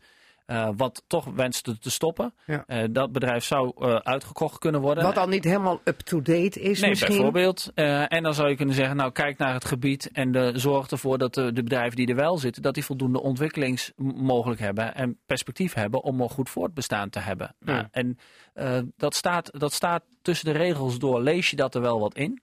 Eh, maar dat is wel even goed kijken hoe zich dat de komende tijd gaat ontwikkelen. Dit is een kabinetsbrief. Ja, uiteindelijk eh, moet men daar nog wat van gaan vinden. En dan is de vraag hoe dat exact op papier gaat staan. Nou, boterzacht, zegt GroenLinks en natuurorganisaties, wat er gisteren is gepresenteerd. Op vrijwillige basis uitkoop. Gaat nooit lukken. Wat zegt Dirk Bruins dan? Nou, eh, wat ik niet zou willen is dat het op gedwongen basis in ieder geval. Volgens mij kan dat sowieso niet rekenen. Op draagvlak krijg je ook hele moeilijke procedures. Eh, ik zou wel graag willen kijken naar inderdaad als er iets gaat gebeuren. Dat dat gaat gebeuren op vrijwillige basis. En dat je vanuit een gebiedsgerichte aanpak hiernaar gaat kijken. Maar goed, als het vrijwillig niet kan. En u had al geconstateerd eh, eh, voor één uur dat er een enquête is geweest van boeren. Van dat er vier op de tien wel zouden willen stoppen. Maar dat het toch wel een heel gekleurd cijfer is. Dat het maar de vraag is of het echt vier op de tien is. Want als je boeren direct vraagt, zeggen ze nee, ik wil niet stoppen. Maar als het dan echt, echt zo in de knel komt, oké dan wel. Moet er wel geld over de brug komen. Ja. Dan, dan, wat, wat zegt u dan? Van, eh hoe ver is vrijwillig dan nog vrijwillig? Want op een gegeven moment, als er niet genoeg boeren zijn die willen stoppen, dan houdt het En je moet je goed, eh, goed voorstellen, hè, want dat is natuurlijk wat eh, bij boeren en tuinders heel erg leeft. Wat ik net ook al zei in de, in de uitzending van. Mensen zitten soms generaties lang op, een- op Ja. een plek. Ja. En dan is het toch heel raar dat als je generaties lang op dezelfde plek zit. eh, en dat er allerlei ontwikkelingen om je heen gebeuren. Dat er dan tegen de boer in één keer gezegd wordt van. U bent niet meer gewenst, u gaat hier maar weg, u geeft uw bedrijf op. En dat is ook waar de mensen afgelopen week zo boos over zijn en- geworden. En waarom gevoel- iedereen naar ik, Den ik besnap is dat gevoel. Ik ben zelf een boerendochter, maar ik heb van de week toch van een plaatje geleerd als het gaat om stikstof Mhm. en uitstoot. Dat toch wel een groot deel bij eh, het vee vandaan komt. Ja, bij de dat klopt. boeren. Dat klopt. En, en, en de boer- zijn boeren zo boos, we gaan Schiphol bezetten, want eh, de luchtvaart gebeurt niks mee. Maar het was maar 1% of zo Ja, maar- van die maar- luchtvaart.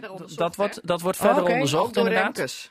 Ja, want da- daar... Agnes Mulder breekt even in. Ja, Nee, Ja, maar wel. dat, is- dat, dat- dank Agnes. Maar nee, maar dat is ook eh, terecht dat daar nog goed naar gekeken wordt. Ja. Eh, want je ziet dat er wel verschillende belangen zijn. En ik Ja. zeg altijd maar zo.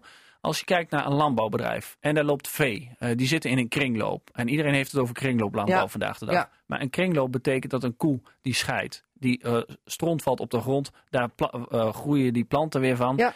Die eet die koe weer op en die komt weer terug. Dus die stikstof die wordt ook wel degelijk benut. De dat is wel is het verschil met een vliegtuig waar aard- olie ergens opgepompt wordt. Eh, en die, eh, eh, die niet echt in een circulariteit terechtkomt. Nee, dus nee. daar zit wel degelijk een verschil. Oké, met andere woorden zegt Dirk Bruins van wij maken er al heel veel werk van. En wij zijn ook voor de toekomst bezig om die kringlooplandbouw steeds verder Ja? uit te kristalliseren. Hè, om toch iets te betekenen voor het milieu. Nee, maar wij zijn, ik bedoel, laat dat helder zijn. Dat zeg ik wel altijd. Wij zijn zeker voor het milieu. En we hebben alle baat bij dat natuur goed in stand gehouden wordt. Want ehm, eh, wij werken dag, dagelijks met die natuur.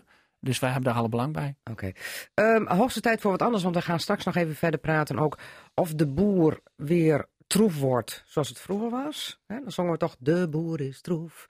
En of er nog acties komen, omdat er ook nog een beetje een scheuring is in het boerenfront, heb ik zo begrepen. Maar eh, hoogste tijd nu voor wat anders. Cassata, het radioforum. Want ik zag het vingertje al van beide forumleden die al wilden inbreken.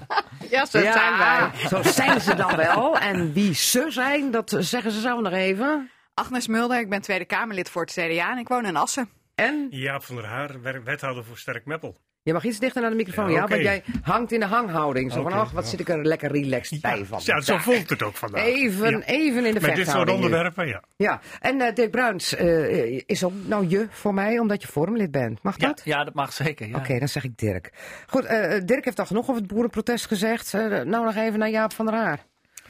Ja die- Van origine een GroenLinkser. En GroenLinkser en van origine een boerenzoon. Oh, Oh. dus. Yes, maar... eh, Toen de boer nog troef was, ja. Toen de boer, nee, toen, toen de boer nog boerde. En geen, niet- geen industrie had. Oh, Oké, ik voel hem aankomen. Oh. Wat en zien. Ja, Want eh, de manier waarop nu het geld wordt ingezet, Ja. hè, om wat mensen uit te kopen en wat, dan, wat uiteindelijk dan met die grond te doen.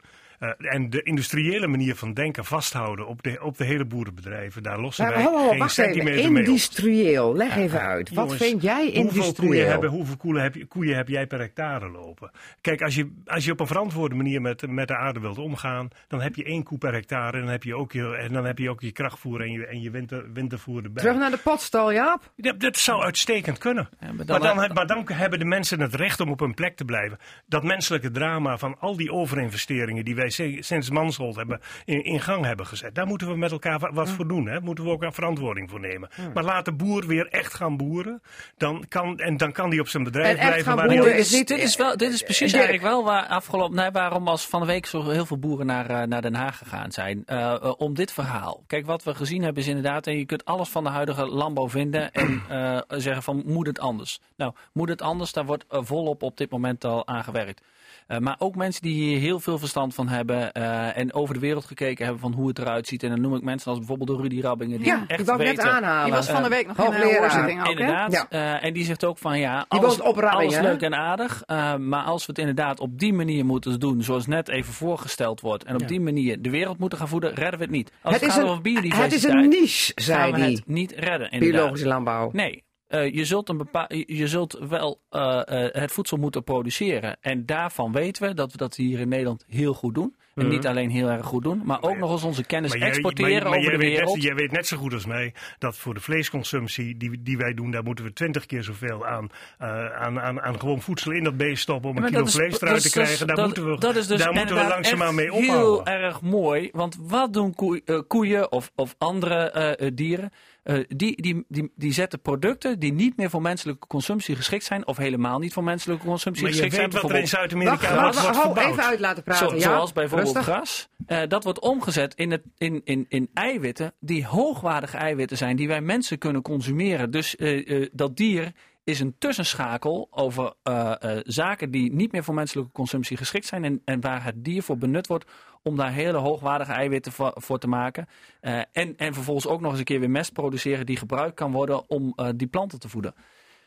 Als jij, als jij deze dingen zegt en je hebt het over het, een koe die buiten gras loopt te eten en dat op die manier doet, denk ik ben ik met je eens. Maar, als jij, maar jij weet net zo goed als mij wat er in Zuid-Amerika, hoeveel, hoeveel, Ja, ik ben hoeveel, er van het hoeveel- geweest. Ja, ik, Ja. Ben, ik ben er heel Ja. veel geweest. Ik Ja. heb ook gezien hoe daar de landbouw naar de bliksem Ja. wordt geholpen. Maar door- even, even, we zijn in Nederland. We hebben Jawel, hier een stikstofprobleem. Die schepen die komen allemaal deze kant op. Dat krachtvoer wat, die, wat, wat dat vee hier eet, Ja. dat, is, dat, dat is voor een groot deel komt dat uit, uit, Ja. de, uit andere wereldlanden. Ja, maar dat wil ik wel eens even weten. Want zou namelijk eh, eh, onze eigen boerenstand elkaar in stand kunnen houden door hier alles als kringlooplandbouw. Hè? Want dat vervoer, dat, dat, dat kost ook weer stikstof. Hè? En, en, vervoersbewegingen. Klopt. Wij exporteren als boeren eh, eh 80 Ja. En, maar we importeren ook een hele hoop. Ja. Maar, Dan denk ik, kan dat niet anders, Dirk? maar- maar ik wil er één ding aan toevoegen. Hè. Ja? Kijk, als wij kijken wat wij twintig jaar geleden aan, van ons inkomen uitgaven aan voedsel. En wat we er nu aan uitgeven, dan betalen wij voor de producten van de boer veel te weinig. Want die kant hoort er maar gelijk dat Nou, vinden de nou nee, ergens. nee, nee, maar die, die, die hoort erbij. Nee, dat. Ja, daar ben ik het ook helemaal mee eens. Ja. Een paar weken terug zaten we hier ook we over. hier ook- hebben we het er Dat ook is over echt gehad. een hele belangrijke conclusie. Nee, dat is ook zo. Ja? En ik vind dat wij reëel voor een liter melk moeten gaan betalen. Wat op een fatsoenlijke manier ge- eh, geproduceerd wordt. En waar de boer gewoon op zijn land gewoon op, een, op op een menselijke manier gewoon eh, kan doen wat zijn, wat zijn voorouders daar ook gedaan hebben. En dat heeft ook te maken met de verschillende wie pakt welke marge. Hè? Ja. Dus, eh, Ja, want, daar heb je het dan wel over. De supermarkt. krijg Nee, dat, eh, 26 dat is wel zo, maar ik vind eh, als het gaat Nee. over fatsoenlijk. Even want tot slot, Dirk, want anders praten we de hele Ja, middag over de niet, boeren. maar er werd net gezegd fatsoenlijk, maar we eh, produceren wel op een hele fatsoenlijke wijze. En als het gaat over bijvoorbeeld die soja, dan wil ik toch dat punt gemaakt Ja. hebben. Soja wordt hier niet gevoerd als dat zijnde dat we soja aan het verbouwen zijn om hier onze dieren voor te voeren. Dat is een restproduct eh, van de soja die eh, gebruikt wordt. En eh, het is maar een marginaal deel eh, van het totale rantsoen van Goed, dieren. ik wil even Nederland. terugformuleren naar de essentie. Er was protest. En ik heb van Dirk begrepen, de duimpjes zijn omhoog. Het gevoel bij het merendeel van het volk is toch wel zo. De boer daar moeten we trots op zijn. Dat moeten we ook. Ja? En we, moet, en we moeten de problemen waar wij ze in gebracht hebben, die moeten, die, daar moeten we de verantwoordelijkheid voor nemen. Want die verantwoording ligt niet bij die boeren hoor, dit ligt bij die consument die veel te weinig voor zijn producten ja, ja. betaalt. Agnes Mulder, jij zit er middenin Ja. tussen die twee heren. Nou, en eh, ik was ook eh, bij de bijeenkomst op Malieveld en eh, veel mensen ook uit Noord-Nederland gesproken. Die kwamen onderweg heel veel ehm, mensen tegen waar de duimpjes omhoog Ja. gingen. En dat, he- dat is hartverwarmend geweest. Want eh, ik denk dat de afgelopen jaren er zoveel negatieve publiciteit is geweest over agrarische ondernemers. Dat je wel eens dacht van de hele samenleving is tegen Dat ons. komt voor de ex- extreme randjes, zegt Dirk dan. Ja, maar dat, dat, Die er het is debat inderdaad maar eh, inderdaad. En ik vind wel mooi dat eh, zoveel mensen deze week hebben aangegeven. Wij staan achter onze boeren. En eh, als daar vrijwillig eh, eh, uitgekocht kan worden. dan willen wij er ook als samenleving geld voor ter beschikking stellen. En ik vind dat wel heel belangrijk dat we dat hier met elkaar ook vaststellen. En dat maakt dus dat inderdaad als sommige boeren zeggen van nou, ik, ik zie toch, ik zie het niet meer zitten. Ik wil stoppen met mijn bedrijf, dat een andere boer hopelijk wel weer verder kan.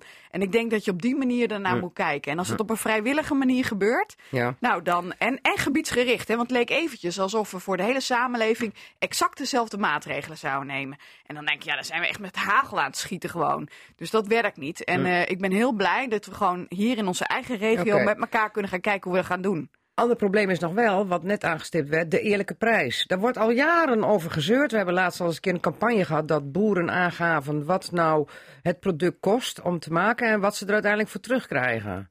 Maar dat is al jaren een issue en er gebeurt niks. Dirk? Ja, klopt. Ja. Inderdaad. Ja. Wie moet er nu wat gaan doen? Nou, dat is, kijk, er wordt heel vaak wordt er gezegd, eh, eh, en die hoor ik in mijn eigen omgeving ook wel eens, boeren krijgen zoveel subsidie. En dan zeg ik altijd, nou, niet, het zijn niet de boeren die veel subsidie krijgen. Eh, de maatschappij krijgt heel veel subsidie. Want die krijgen dus inderdaad voor, voor heel weinig, krijgen ze heel veel. Eh, en van heel hoogwaardige Want door die kwaliteit. subsidie hebben zij maar een lage prijs te betalen? En Dat is inderdaad zo. Uh, als je in, naar, uh, in, in de rest van de wereld kijkt, dan is het, uh, het deel wat wij hier aan voedsel betalen in Nederland, dat is echt abnormaal laag. Oké. Eh, even nog naar... En dat is eh, goed, hè? Want het is ook goed, voor, eh, eh, zou je kunnen zeggen, voor de, voor de maatschappij. Want het geeft ook heel veel welvaart. Nee, dus dat het heeft is- ook van alles dat, is, dat is niet goed, want jij moet daarvoor op een manier gaan werken waarin je, waar- waarin je dingen moet doen die eigenlijk voor de aarde gewoon niet, niet oké zijn. Want jij moet, jij Om moet voldoende hele- brood op de plank te krijgen, Natuurlijk, zeg je, je. je Ja. moet ontzettend veel investeren. Je moet heel efficiënt gaan werken. Je moet eh, je bedrijf op Ja, maar een er is niks, manier... er is niks en, en dus ik ben inderdaad voor een hogere prijs uiteraard en een eerlijke prijs. Ja. Hè, dat zou meer vanuit de markt moeten komen. Maar dat we dat hier op een hele goede manier doen en een efficiënte manier, daar is niks mis mee. Even naar iets anders. We hebben het constant over de boeren. Ja. Eh, we hebben het nu over de vrijwillige uitkoopregeling even kort gehad. Ehm, hoe hard ben je hier naartoe gereden vanuit Meppeljaap? Eh, 80. Ja, wel, via welke weg dan? Snelweg? Via, nee, via het kanaal. Via het kanaal, oké, 80. En- Op sommige plekken toch mijn- 60. In mijn smaatje. In je smaatje, oké. Niet elektrisch, hè? Nee, nee, Nee, nee, nee, nog niet. Volgende wel. Foei. Ja. En, en Agnes? Op de fiets. Oh, helemaal goed. En Dirk is met de auto. Nee, maar omdat namelijk ook ehm, eh, de verkeerssnelheid omlaag gaat. En ik zag dat een bedrijf in Assen al druk bezig is om de borden eh, te printen. 100 euro per bord of zo. Maar we willen naar 80, want je heeft al geoefend. Oh, ik had gisteren pech met de auto. Dus mijn achter, rechter achterband was stuk. En eh, ik, eh, ik moest hem thuis brengen om van Utrecht hier naartoe rijden. Eh, twee uur en 40 minuten. Omdat Met je 80 snelheid? maakt. Met 80. Nou, ik vind het verschrikkelijk, kan ik je zeggen. En eh, daarom ben ik er ook zo blij mee dat ook hier weer maatwerk wordt geleverd. Ja. Als het vlakbij natuurgebied is, waar die stikstof eh, eh, te hoog is, dan kun je daar die maatregel nemen. Maar we gaan dus niet met eh, schieten, want het heeft totaal geen zin. En eh, voor Hier, mij Jaap is hier eh, ve- jager ja, aan tafel, maar- hè? dan weet jij dat het geen zin heeft. Dus, eh, Met hagel ze- schieten. Sommige- Bij sommigen bij sommigen wil Soms kan het heel zin. efficiënt zijn. Ja, Dan moet je het juist doen. ja. Maar, Maar, nee, maar als je zo'n rit hebt, hè, t- twee uur en 40 minuten van Utrecht naar eh, Assen, omdat je 80 eh, maar kan rijden met zijn thuisbrenger. Nou, ik wil dat niemand aandoen hoor. dat is En, pas een eh, reden om de trein te nemen, zeg ik Precies, dan. dat is een goeie. Van, dat is van Utrecht naar Assen. Ja, Erik dat doet het ook als. Kamerlid, dus ja, maar eh, Erik. Sinks is eh, geen eh, vrouw en eh, ik heb toch wat meer spullen bij me over het algemeen, helaas. ja, ik geef het eerlijk toe. Oh, en, soms, hè, nodig. eens even, nou die heb ik echt wel nodig. En eh, ik zal je nog een voorbeeld geven. Dan hebben wij vaak op maandagavond bijvoorbeeld een CDA-bijeenkomst in Ja. Westerbork. En dan Oh. rijd ik daarna dus terug naar Den Haag. Nou, ik weet niet hoe ik dat met de OV moet doen. Iemand die me dat kan la- laten zien hoe dat kan, dan eh, ga ik erin mee. Maar anders lukt het gewoon. niet. Ik kan mijn Goed. werk niet doen. Maar, ik eh, wil mijn werk graag goed doen. Maatwerk zeg jij. Wat zegt Jaap over die eh, aanpassing van de snelheid? Nee, nee, nee, de- naar 100 in Nederland vind ik geen enkel probleem. En discussieer niet te veel erover, want, oh, want, die, want we weten hoe die, hoe, die, hoe die stikstof ook verwaait. Dus eh, doe dat niet selectief en kijk even op de kaart waar die Nat- Natura 2000 gebieden zijn. Eh, doe het maar, doe het universeel. Oké, Dirk? Meteen doen?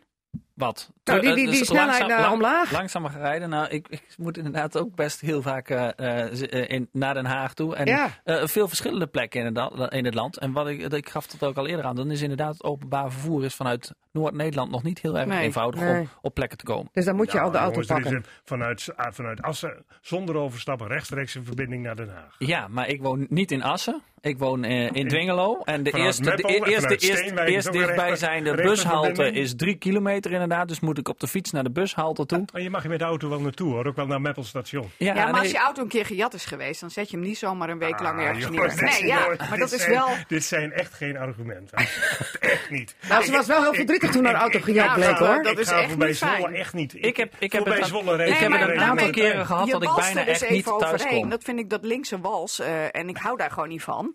Eh, dat je maar even de andere maat gaat nemen waarom je dat wel of niet kan doen. Ja. Ik vind dat, eh, ja, eerlijk gezegd, de vertrutting ten top. Oké, Eh, maar dat... Ja, Jaap. Nou, Nou is eh Agnes nee, even nee, flink nee. met hagel aan het schieten. op die manier ben ik natuurlijk wel gevoelig voor zo'n soort argumenten. Goed, ander nieuws. Op diezelfde dag van het boerenprotest zijn we er weer bij, eh dame en heren. Ja, we zijn er. Treant ziekenhuizen, 500 banen worden geschrapt. Ja. En dat is eh, allemaal het gevolg van eh, de grote fusie die destijds is geweest tussen Hogeveen, het Bethesda ziekenhuis, eh, het Emmer ziekenhuis. En ehm, hoe heet Stadskanaal ook alweer? Dat ben ik zelfs al vergeten. Ik noem het allemaal Treant. Revaya was het. Ja, zo zie je maar weer. Het, het was ooit een sterk merk en ineens ben je het kwijt. Schrik daarvoor, daarover, want Jan van der Hart zijn wel 500 banen. Wellicht ook nee, nog gedwongen ontslagen. Ja, ja, ja maar die- die- je, je zag het natuurlijk aankomen. We Ja. hebben de zorgtafels gehad in Drenthe. Ja. En eh, duidelijk werd dat specialismen verdeeld zouden moeten worden over ziekenhuizen. Ehm, en dan krijg je op den Hm. duur dus het hele zorglandschap in Drenthe... wat we op een bepaalde manier in stand willen blijven houden. Dat betekent dat je het efficiënter moet gaan inrichten, meer moet verdelen... dat de, dat de cliënt wat verder moet In reizen. Hogeveen zeggen ze het begin van het einde. Dat hebben we altijd al gezegd. Ga niet fuseren, is gebeurd. Het wordt helemaal uitgekleed. En ik heb gelijk gekregen. Nu al die banen weg. Ik vind het wel mooi dat ik van iemand GroenLinks van nou hoor inderdaad. Die zegt van ik ben voor specialisme, schaalgrootte. En als het gaat over landbouw is het Als altijd tegenovergesteld. als, wij in, als wij in Drenthe de zorg, de zorg goed, willen blijven, goed willen blijven organiseren, dan moeten we in, de, in een provincie waar zo relatief weinig mensen wonen, moeten we het verdelen over de ziekenhuizen. Moeten we het goed organiseren. En dan moeten mensen gewoon, de tijd dat je op de fiets naar het ziekenhuis ging was voorbij hè. Je Ja. kunt nu met de trein Ja. naartoe. Ja, nee, dat is geloofwaar. Ik, ik bedoel, Nou, kom jij maar eens van Assen met de trein in Emmen. Ja, die was er vroeger. Ja, Trein. ja vroeger. was er. Vroeger, Vroeger. ja. Agnes, hoe kijk jij Nou er ja, maar tegenaan? ondertussen hebben gewoon inwoners Ja. hier wel direct last van. En eh daar heeft mijn collega Jobbe van den Berg, die onze woordvoerder is, ook wel aandacht voor gevraagd. Want ze, ze wil boven tafel hebben van hoeveel eh, mensen overkomt het nou dat jij eh, ergens naartoe wordt gebracht en dat er een stop is op zo'n ziekenhuis. hè? En dat is bij ons gewoon te veel. Waar het vroeger één keer in de week een keer was, is nu eh, twee keer eh, per dag. En eh, dat is niet alleen hier in Drenthe zo, dat is in Maar leg even uit, Nederland een stop, een stop. Nou ja, dan kom jij dus met, word jij dus met de ambulance naar het ziekenhuis gebracht in de regio. En dan vervolgens word jij daar niet opgenomen. Nou, dan heb je een mooi probleem als jij... Omdat als- het quotum bereikt is. ja, omdat het gewoon vol zit daar. En eh, dat is wel een probleem. En dan denk ik van, hoe gaan we nou die zorg in de regio zo organiseren... dat als wij ook hier in Drenthe wat hebben, dat wij ook gewoon onze zorg krijgen. En Maar ik dan is wat je heen en een weer gesleept. Ja, en dan wordt er dus gezegd van, nou ja, dan, eh, dan brengen de mensen toch maar even naar eh, Isala of zo. Mhm. Nou, ik vind dat gewoon eh, niet goed zoals dat nu gaat. En het is helaas niet alleen een probleem hier, bij ons in Drenthe, maar het is in heel Nederland een probleem. In Woerden, in Twente, in Zeeland, in Flevoland. En hebben ze nu in Flevoland hebben ze dus gekeken van, hoe zit het nou met onze bevolkingssamenstelling en waar hebben we dan ook behoefte aan? Zodat Mhm. we op die behoefte ook concreet maatregelen kunnen nemen, zodat we gewoon geholpen worden. Ja. Nou, en daar worden de eerste stappen in gezet. Maar eerlijk gezegd, deze minister. Nou, nou, nou, poe, poe, poe. Het moet wel van ver komen hoor, bij deze meneer. Bruno Bruins. Ja, Toch? en Ja. eh, eh, daar is mijn eh, collega Joba, die trekt daar heel erg hard aan om dat voor elkaar te krijgen. Maar ik vind het Het gaat niet gemakkelijk. Oké. Je kijkt echt boos, ja, man. ik ben, nou echt. Ik, Al- maar als ik, ik het vind het dus ook gewoon niet kunnen. Oké. Eh, want eh, ik heb daar ook in eh Hogeveen staan demonstreren. Want ik wil graag die goede zorg bij mij in de Mhm. regio. En dan kan het niet zo zijn van, oh, ik woon toevallig in Drenthe. Nou ja, dat is dan dikke vette pech. We hebben, die zorg die krijgen wij dus niet. En ik vind dat gewoon niet kunnen, want wij betalen er allemaal net zo hard voor. Ja, maar die Bruins die zegt wel, ik maak me vooralsnog geen zorgen. Ja, nou daar snap ik dus helemaal niks van. Oké, dus eh, met andere woorden, jij gaat terug naar Den Haag met je auto en Nou, geeft die Bruins even een ehm, flinke schop onder zijn hol. Daar heb ik natuurlijk continu contact over met, eh, eh, met Joba. En Joba die heeft nu Ja. alweer mondelinge vragen aangemeld voor aankomende dinsdag. Oké, goed. Want er Eh, moet nu maar een noodgebouwtje komen hè, bij de, bij de Wilhelminus ziekenhuis. Ja, ja Nou want ja. daar gaat een eh, patiëntenstroom eh, naartoe.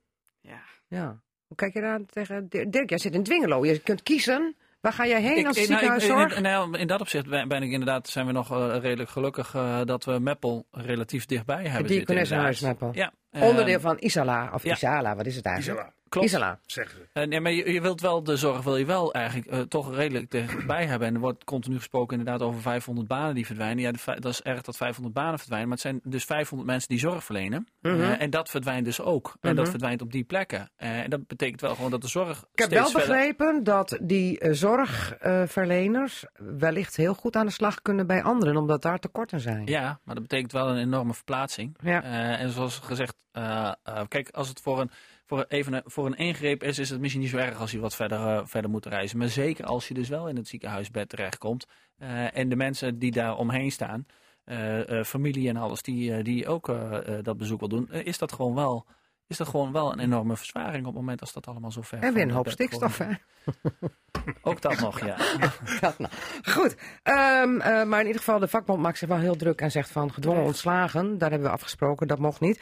Even snel nog maar wat ander nieuws.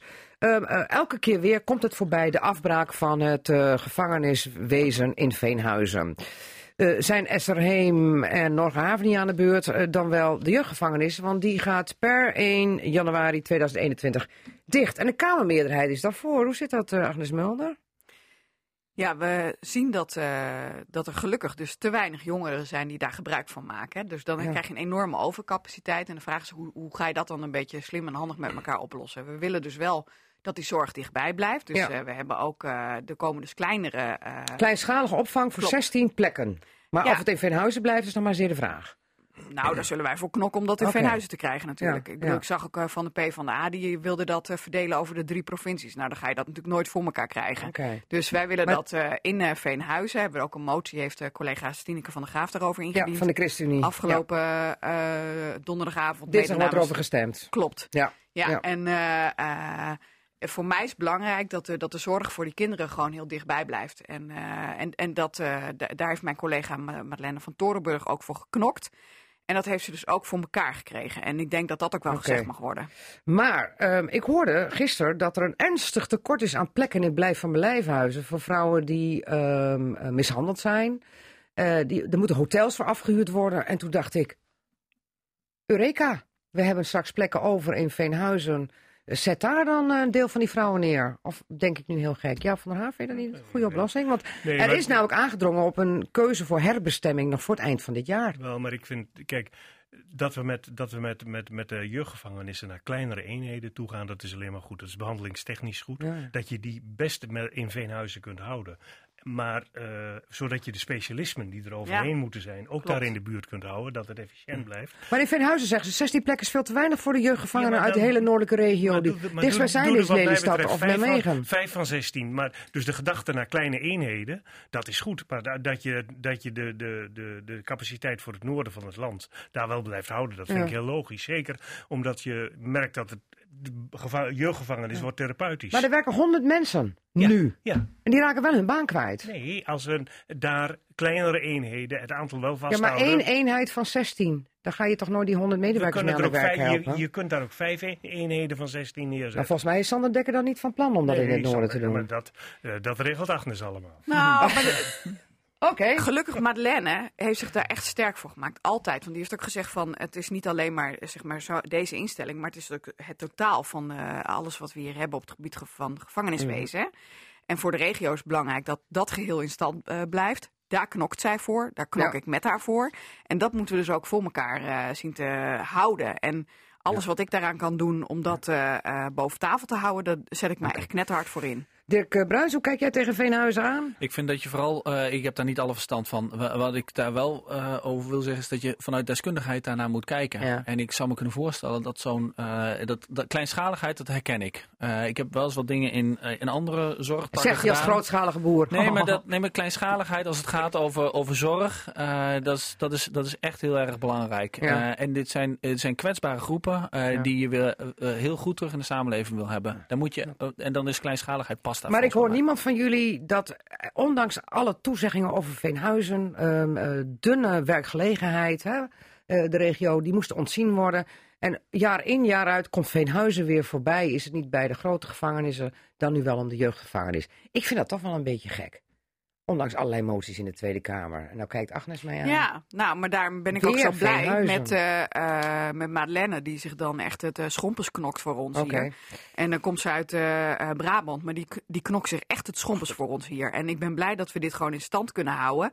Dat we die hele, alles eh, in die keten gewoon hier hebben. Dat we ook werkgelegenheid hierdoor eh, houden. En ik ben gewoon eh, ja, blij dat Madeleine dat doet. Eerst nog even de stemming hè, in de Tweede Kamer komende dinsdag. Hoe laat is die stemming? Weet je dat zo? de stemming is altijd, begint om drie uur, tussen oké. drie en vier. En dan komen de moties over Veenhuizen ook aan de orde. Ja, dus die van de coalitie. nou, daar is dus een meerderheid voor. En we hebben ook gezegd binnen de coalitie, als er nou wel mensen hier niet direct terecht kunnen, dan vinden wij wel ook dat ook de overheid een zorgplicht heeft, ook naar die mensen toe, om toch te kijken waar ze wel weer werk eh, kunnen vinden. Dan Ja. is het niet zo van, nou, dan heb jij maar even dikke vette pech. Die mensen die zetten zich dagelijks in eh, met een hele hebben en houden voor die kinderen, een moeilijke groep. En dat moeten we wel blijven waarderen. Nou, kijk eens, wat een vlammend pleidooi van onze Agnes Mulder. Ik ga je bedanken als forumlid en dat doe ik ook met Jaap van der Haar. En Dirk Bruis, die bedank ik ook als forumlid, maar die moet nog wel even nablijven. Cassata. Altijd in de buurt. Radio Drenthe. Hij was in de jaren 80 en 90 het boegbeeld van de politie. Als er weer wat te doen was bij de politie, de Amsterdamse politie, dan was Klaas Wilting op de televisie. Die spatte dan van de buis af met zijn teksten. En wat u misschien niet weet, is dat Klaas, zoals hij zelf zegt, van origine een boertje Udrenthe is. Hoe is het met Drents van Klaas Wilting? Drents, ik kan het wel verstaan, alleen Die proorde als, niet. als je nou aan mij vraagt, praat het even. Oh. Dat is dan het enige, geloof ik, geloof zo'n beetje wat er nog over nou, is. Praat, dat zei je al goed, Ja. want eh, Klaas heeft een eh, autobiografie geschreven. De roerige jaren van een politiewoordvoerder heet het. En daarvoor is hij vandaag even terug op Dentse bodem. Want, Klaas Wilting, welkom in Casata. U bent geboren en getogen in De Kiel, de Kiel. gemeente Sleen. Ja, En eh, vrij Toen nog, snel, hè? Toen Toen, nog. nog voor gemeente Sleen. En vrij snel daarna ben ik verhuisd naar eh Schoonoord. Nou, dat is eigenlijk twee kilometer. En er werd een nieuwbouwplan, kwam daar. boerderijtje was gewoon te klein voor de tien monden. Want het waren tien kinderen om die allemaal te voeden. Dus mijn vader is bij, eh, eerst bij de DUW, de dienstuitvoerende werken. Dat was in die periode nog. Eigenlijk verschrikkelijk wat die mensen hebben, to- toen hebben moeten we meemaken. werken voor Staatsbosbeheer, geloof Ja. ik, hè? En later voor Staatsbosbeheer. Ja, oké. En eh, ja, toen is hij, zoals heel veel Drenthe, Groningen, maar ook uit Limburg en zo, waar geen werk was, is hij in Amsterdam gesolliciteerd bij de gemeentetram. En hij heeft jaren op de gemeentetram gewerkt. Maar wij hebben het hier de hele middag al over de boeren. Van origine is Klaas Wilting een boerenzoon. Dat klopt. Ik Ja. ben een boerenzoon en ik heb ook heel veel respect voor de boeren. Klein dingetje daarvan, van de week die demonstratie die geweest is. Mijn vrouw en ik reden naar Tiel, ook voor een eh, programma. En onderweg zag ik de boeren terugkomen. Al die lampen eh, zwaaien daarboven, de lichten aan. Ik moet zeggen, ik kreeg bijna tranen in mijn ogen. Ik vond het zo mooi wat de boeren hebben gedaan. Ik vond het echt top. Ja, Eindelijk, eindelijk komen ze ook op voor zichzelf. Want boeren over het algemeen, die werken alleen maar hard. Die zijn op een bedrijf bezig. Je hoort ze bijna niet. En toch zijn er heel veel mensen, zeker in de grote steden, die daar soms hele vervelende dingen over zeggen. Er zijn zelfs mensen, als je vraagt waar komt nu de melk vandaan, dan komt het uit de fabriek. Ze weten niet eens dat het uit een koe komt. En eh, dan denk ik, prachtig wat jullie gedaan hebben. En, eh, want eigenlijk, ja, nou, nou zit ik op mijn praatstoel. Eigenlijk zouden er meer ja dat mensen... weet ik. Moet je oppassen als Klaas op de praatstoel gaat zitten. al- eigenlijk zouden meer mensen, meer groepen, zouden aan de bel moeten gaan trekken. Want er zijn een heleboel dingen in Nederland die best mogen veranderen. Maar even terug naar de boeren. Top. Wat Hier spreekt het boerenhart van Klaas Wilting, want jullie hadden vroeger jouw pa een akker- en veebedrijf, hè? Dat klopt. Met, ja. met koeien, hoeveel koeien, weet je dat nog? Dat, dat weet ik niet meer. Wij noemden het in die periode een keuterboer. Een keuterboer. Een keuterboer. Ja, ja, ja. Waar er zoveel van waren. Maar Te klein om voor te bestaan. Ja, te klein. Maar. Ik ben er toch nog steeds trots op dat ik daar geboren heb. Dat mijn wortels daar liggen. Ja. En in het mooie Schoonoord, in het mooie De Kiel. Dat blijkt ook wel uit het boek, want dan lees ik op een gegeven moment dat als u terugkijkt op uw politieleven, dat u dat als Drents boertje toch maar even mooi gedaan heeft. Zo is het. Daarom, Ja. als ik op straat loop en ik, ik beschrijf sommige dingen, dan kijk ik regelmatig eventjes terug. En ik ben er inderdaad trots op. Begonnen als Drents boertje. Vervolgens bij de politie terechtgekomen. Als agent van politie op straat. En uiteindelijk toch een mooie carrière gemaakt. En hij geëindigd als eh, hoofdcommunicatie van het hele grote korps. eh, in Amsterdam. Met alle ellende en de mooie dingen die daaraan vastzitten. En in mijn boek beschrijf ik heel veel van die zaken. Ja. En eh, Ja. de reacties die ik erop krijg, die zijn in elk geval heel goed. Maar met uw welnemen ga ik toch even naar de tafel, heer. Want die moet Dat ook is- nog even, even, eh, even, even, even wat zeggen. Want ehm ehm, Klaas Wilting was natuurlijk eh, een hele geschikte woordvoerder of voorlichter geweest daar dinsdag op het Malieveld. Als ik dit allemaal zo hoor. Recht uit het hart, het boerenhart. Klopt, maar ik, en dat vind ik ook mooi. Hè? Het, het komt eh, ook echt uit, eh, eh, uit het hart als ik, als ik de heer eh, eh, zo hoor, eh, hoor praten. Eh, dus dat vind ik mooi, eh, dat de heer Wilting dat doet. En, en dat hebben we wel nodig, inderdaad. En maar, maar terecht, eh, wat je zegt, eh, communicatie is, is, Hmm. is enorm belangrijk. Ja, want ik spreek er ook altijd van als iemand zegt van waar komt melk vandaan? Ja, uit de fabriek. Ja. Ja. En eh, Ja. eh, als je dan aan de staart van, eh, van de koe drukt, dan komt er ergens melk ja. vandaan. Maar precies wat de heer wil zeggen is, is waar. Eh, communicatie is gewoon heel erg belangrijk. En wij zijn heel erg goed in het, in het produceren van hartstikke mooie dingen. Ja. Maar dat goede verhaal vertellen, eh, dat vergeten we wel eens Even voldoende. naar die communicatie toe, want we hebben tegenwoordig communicatie op social media. Ik zag wel dat Klaas Wilting er ook heel druk aan meedoet, aan allerlei reacties ook op Twitter. Nu gingen er deze week geruchten van, we gaan Schiphol bezetten. Want daar moeten ze ook maar eens even weten dat zij ook stikstofuitstoot hebben. Ehm, maar wat, wat is daar allemaal nu van Nee, waar? Want de een roept van onzin en de ander zegt van actie, barricade en nog meer. eh, binnenkort weer in oktober Ik hoop vooral dat dat echt eh, onzin is. Eh komt in ieder geval niet bij ons vandaan. Want wat je ziet is, de maatschappij Nederland stond van de week even helemaal achter de boeren. Ja. En dat is, dat is hartstikke mooi geweest. Eh, we hebben wel eens het gevoel dat een, een, een, een klein deel, en ik heb dat gezegd, dat die, die flanken van de samenleving, dat die wel eens tegen de boeren zijn. Ja. Dat een deel van de politiek dat overneemt. Het domste wat je kunt doen is volgens mij zorgen dat de bevolking tegen je gaat worden. Ja. Eh, want dat eh, maakt je positie niet beter. Want als boeren gaan radicaliseren, hè, want je hebt natuurlijk ook aan de Ja. flanken bij de boeren wel weer radicale Uiteraard. mensen. Gebeurt ook. Ja. Dan werkt dat weer averechts. En ik snap dat best wel eens vanuit woede, eh, maar doe dat niet. Want je kunt veel beter hebben dat het een goede harmonie verloopt. En hè, als het dan even gaat over de combinatie boer-politie. Ik sprak dus inderdaad van de week eh, dat, ik, eh, dat ik wegging eh, van het Malieveld. Sprak ik met een, met een aantal agenten, want we moesten eigenlijk naar de. Die zeiden, Kun je me vertellen waar ik zo snel mogelijk daar langs kan komen? Een heel goed gesprek even met die agent, agenten gehad. Eh, en die zeiden ook van, ja, zoals dat hier nou gaat, dat is wel gewoon fantastisch. Het is ten eerste heel indrukwekkend, maar het gaat gewoon in een hele goede sfeer en een Ja. goede harmonie met elkaar. Nou, daar heb je gewoon veel Goed. meer aan. En die goede harmonie, die zetten jullie nu voort door gewoon in overleg te gaan met de overheden. Ja. Hoe nou dat En het kan best wel zijn dat er actie gaat komen, maar dan moet dat actie zijn die publieksvriendelijk is. Ja. eh, en waarbij je laat zien waarom als je je zo druk maakt op dit moment hierover. Nou, gratis boerenproducten uitdelen en dan eens even heel goed vertellen waar het ook alweer vandaan komt. Bijvoorbeeld. Van welke grond Ja. En uit welke koe. Ja. Ga En je mee? welk, ja, ik ga mee hoor. Goed zo. Als We hebben een extra ambassadeur. Ik heb, er al twee, ik, heb er al, ik heb er boeren. al twee vandaag, ambassadeurs. Fantastisch. Ja, nou, eh, in, in, in één klap, hè, wat wil je nog meer? Eh, maar we gaan even naar deze Klaas Wilting toe. Want hij zit hier natuurlijk niet vanwege het, eh, het zijn vroegere boer zijn.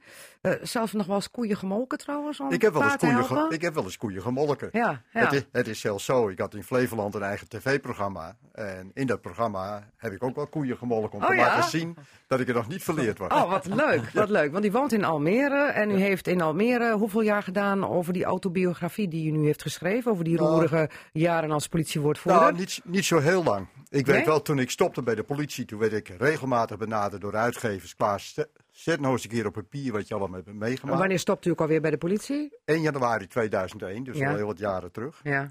Eh, ik had er toen niet zoveel zin in. Eh, maar langzamerhand kwam het toch, ja, laat ik iets doen. Maar ik heb het eigenlijk meer gemaakt voor mijn vrouw en voor mijn beide kinderen. Oh, Want het is wel, ja, het is natuurlijk wel leuk als je op een gegeven moment kunt laten zien, ook aan je kinderen, wat je, hoe je leven eruit zag, waar je vandaan komt. Daar was papa toch altijd? Ja. Maar het belangrijkste vond ik wel, want kijk, waar je vandaan komt, daar word je eigenlijk ook gevormd. Dus ik kom uit Drenthe vandaan. Ja. Ik kom uit een bepaald gezin vandaan, een gereformeerd gezin vandaan. En daarin word je toch gevormd. Ja. En dan is het goed dat je je kinderen toch vertelt van hoe was het nou, nou in die periode. Tweede, en dat was natuurlijk misschien wel het allerbelangrijkste. Zij hebben de mooie dingen, maar vooral de ellendige dingen ook van mijn werk meegemaakt. Ik was dag en nacht op pad. We hebben van alles meegemaakt. Ik heb bedreigingen, ge- eh, veel bedreigingen aan mijn adres gehad. Er waren op een gegeven. Persoonlijke bedreigingen. Persoonlijke hè? bedreigingen. En ook op, de, op het gezin had dat zijn repercussies? Ja, en, en er waren signalen dat ze me wilden ontvoeren. Dus betekent, ik heb een poos eh, eh, zelf in een gepantserde auto gereden. En mijn vrouw en mijn kinderen, die kregen eh, persoonsbeveiliging. Hm. Dus elke stap die ze deden, er ging er altijd iemand mee. En die bedreiging kwam uit het criminele milieu? Die kwam uit het criminele milieu. En Ja. die andere bedreiging waar ik het net over had, die kwam vooral van de kraakbeweging. Want als je gaat kijken naar de roerige jaren, ja, dat was echt in Amsterdam. De stad brandde. Er is voor miljoenen, nog eens miljoenen, eh, guldens toen nog natuurlijk, aan schade aangericht. Ja. En ja, ik, en dat vind ik wel het mooie als ik erover over nadenk. Ik zat in die geschiedenis. Het was, eh, eigenlijk zeggen we nu, het was geschiedenis. Ik zat er middenin, als je naar de grote stad Amsterdam kijkt. En ik maakte deel uit van die geschiedenis. Ja. En die geschiedenis, die staat voor een deel eh, in mijn boek. Ja, ja, en dan kun, want hoeveel kinderen heeft u? Twee. Twee. En dan kunt u altijd zeggen van, dat verklaart waarom papa er heel vaak niet was. Dat klopt. En wat natuurlijk belangrijk is, maar dat geldt ook voor de politiemensen in zijn algemeenheid. Zeker ook de politiemensen in Drenthe, maar ook in Amsterdam. Het allerbelangrijkste is dat als je thuis komt, dat je dan in elk geval een thuis hebt. Ja. Dat je opgevangen wordt thuis. Dat je je verhaal kwijt kunt. En zeker als je echt midden in de gevechten hebt gestaan. Of je bent in een huis geweest waar iemand zich heeft verhangen. Dat zijn ook dingen die je Ja. tegenkomt. Ja. Dan is het goed dat je dan thuis komt en dat je dan thuis daar samen over kunt praten.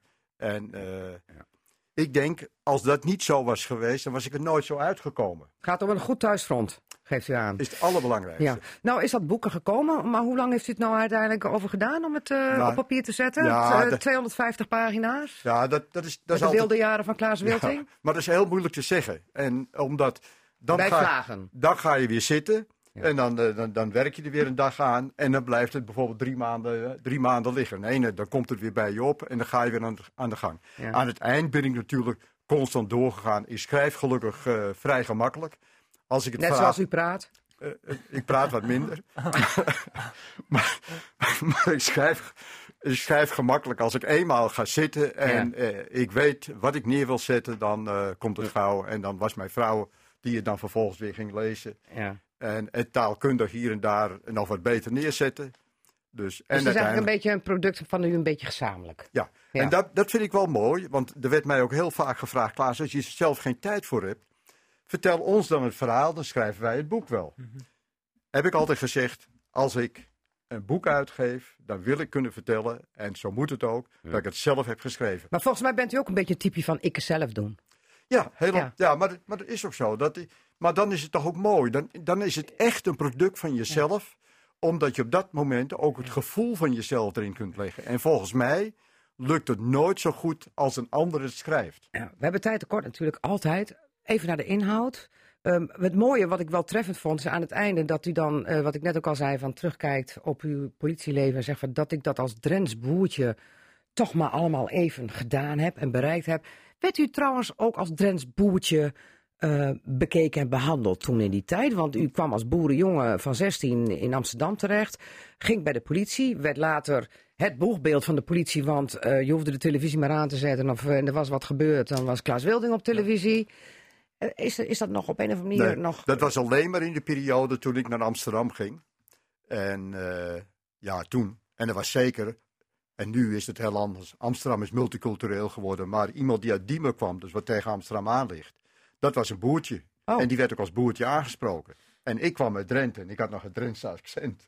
Dus ik was helemaal het, het boertje uit Ja, Drenthe. Maar ja. goed, dat is, dat is natuurlijk later is dat, eh, is dat, Dat, veranderd. daar is niks meer van te horen. Nee, de- heel, dat- veel mensen, heel veel mensen denken dat ik. Die horen onmiddellijk dat ik uit Amsterdam kom. Ja. Omdat er toch het, het. Amsterdamse accent erin zit. Nou, dat is alleen maar goed. Ja. Ehm, wat, wat- u zei al van, hè, ik heb het boek willen schrijven, vooral voor mijn vrouw en voor mijn kinderen. Maar natuurlijk ook voor het brede publiek. Ja, natuurlijk vind ik het verschrikkelijk mooi dat het boek zo goed ontvangen wordt. En dat Ja, want heel de, reacties zijn goed. De reacties. Ik heb tenminste nog geen negatieve gezien. Maar misschien dat die voor, door mijn vrouw weggeschoven zijn. Dat weet ik niet. Ah, nee, joh, grapje. Maar ik heb nog geen negatieve reacties eh, gezien. En, eh, Maar dat- wat, wat, wat, wat lees je? Wat krijg je een, inkijkje in de criminele wereld van Amsterdam? eh, de wereld van hoe je voorlichter bent? Hoe Klaas Wilting soms ook wel eens nieuwtjes naar de pers lekte? ja, nou eigenlijk staat alles er wel zo'n beetje in. Maar je krijgt natuurlijk de grote zaken. De Heineken-ontvoering. Ja. En met name ook hoe ik als woordvoerder daarin zat. Die IRT die IRT-zaak. Toen Ja. politie Nederland eigenlijk alleen maar met elkaar aan het stoeien was. Eh, de Rara-zaak. Maar ik beschrijf ook Rara was de aanslag, hè? Aad. Costo heeft toen Ja, toch nog een ook onder bomaanslag andere. Maar zijn huis rare gehad? zaak was met name de macro's die de lucht in gingen. Maar wat ik ook beschrijf, dat is de hele problematiek van de drugs. Hoe is dat ontstaan? En waar zitten we nu? En ik zeg ook daarin, Nou, het is nu puinhoop. ja, nou was het toen ook al. Maar ik, ik zeg daar heel duidelijk in, de overheid heeft de georganiseerde criminaliteit gefaciliteerd. Dus het betekent dat in feite, ze schreeuwen nu wel, ze roepen nu wel. En, eh, maar goed, dat is bij politici altijd. Die zijn ook wel geschokt. Dat is ook altijd verschrikkelijk bij politici. Maar uiteindelijk hebben ze het zelf veroorzaakt. En klein voorbeeldje daarvan. Als je softdrugs neemt en je zegt van de ene kant is het, mag je het kopen en je mag het roken. Dan moet toch die softdrugs er vandaan komen. Dus aan de achterkant is het hartstikke crimineel. Hm. Daarmee zijn we de, de boot ingegaan. Gedoog is altijd fout. Tweede is, dan zeggen ze ja, ecstasy komt op. Eén pilletje mag. Maar we praten uiteindelijk over miljoenen pilletjes ecstasy. Dus ik, ik discussieer niet in het boek over vrijgeven of niet vrijgeven. Ik ben zelf hartstikke tegen vrijgeven. Maar goed, daar discussieer ik niet over. Maar ik geef wel aan dat gedoog altijd fout is. En als je iets doet en je maakt wetten, dan moet je die wetten gaan handhaven. Hm. En daarom en dat is schort eraan. ja, daarom is het uit de hand gelopen. Dus, en als ze nu schreeuwen en roepen van het is allemaal zo verschrikkelijk, zeg ik, kijk eerst eens naar jezelf, wat je zelf allemaal hebt, ge- hebt gedaan. Volgens mij eh, moet eh, Klaas Wilting gewoon weer politievoorlichter worden als ik dit zo hoor. eh, toch? Ik heb een mooi leven hoor, Ja, laat het o- maar zo. Oké, even heel kort, we hebben nog maar een minuut. Ja. Wat gaat u zo meteen in de kiel doen? In de kiel. Daar waar het boerderijtje stond waar Klaas ja, geboren is. in, in, het bu- in het buurthuis. Ja? Dus daar ga ik naartoe, daar ga ik signeren. En daar kunnen mensen ook eventueel mijn boek kopen. Ik heb wat boeken meegenomen. En eh, ik ga de mensen dat toespreken en ik hoop ook kort iets te kunnen vertellen over het boek. Ja, en zijn er nog oude bekenden dan van u ik daar? denk het wel, want ik heb al mailtjes gekregen van, eh, van familie. Want er woont heel veel familie van mij nog daar in die Oh, ja, dat moet ook wel, hè, met tien eh, kinderen Daarom. in Ja, maar- Die zijn allemaal nog in leven? Nou, niet allemaal. Maar Oké. in die periode. Kijk, mijn vader en moeder liggen ook daar begraven. Ja. Die woonden wel in Amsterdam, maar die wilden beslist terug naar Drenthe. Die wilden beslist begraven worden daar in de Drentse grond. Maar ik heb heel veel familie daar, maar ook denk ik heel veel kennissen nog. En ik kijk er naar uit vanmiddag en ik zal ook een mooi verhaal voor ze houden. Goed, Eh, dat wordt een geweldig weerzien lijkt mij. Het boek heet eh, De roerige jaren van de politiewoordvoerder. Geschreven natuurlijk door Klaas Wilting, Drents boertje van vroeger. En uitgever is Just Publishers. Dank voor uw komst. Dit was Casate voor vandaag en tot volgende week. Je luisterde naar Casata. Dat is te beluisteren als radioprogramma op zaterdagmiddag, maar sinds kort ook als podcast. Net als het programma Drenthe Toen. Vond je het nou interessant? Geef ons dan 5 sterren en laat je beoordeling achter. En vertel het natuurlijk ook aan vrienden, familie en collega's. Daar help je ons mee, zodat we nog meer luisteraars kunnen bereiken. Tot volgende week.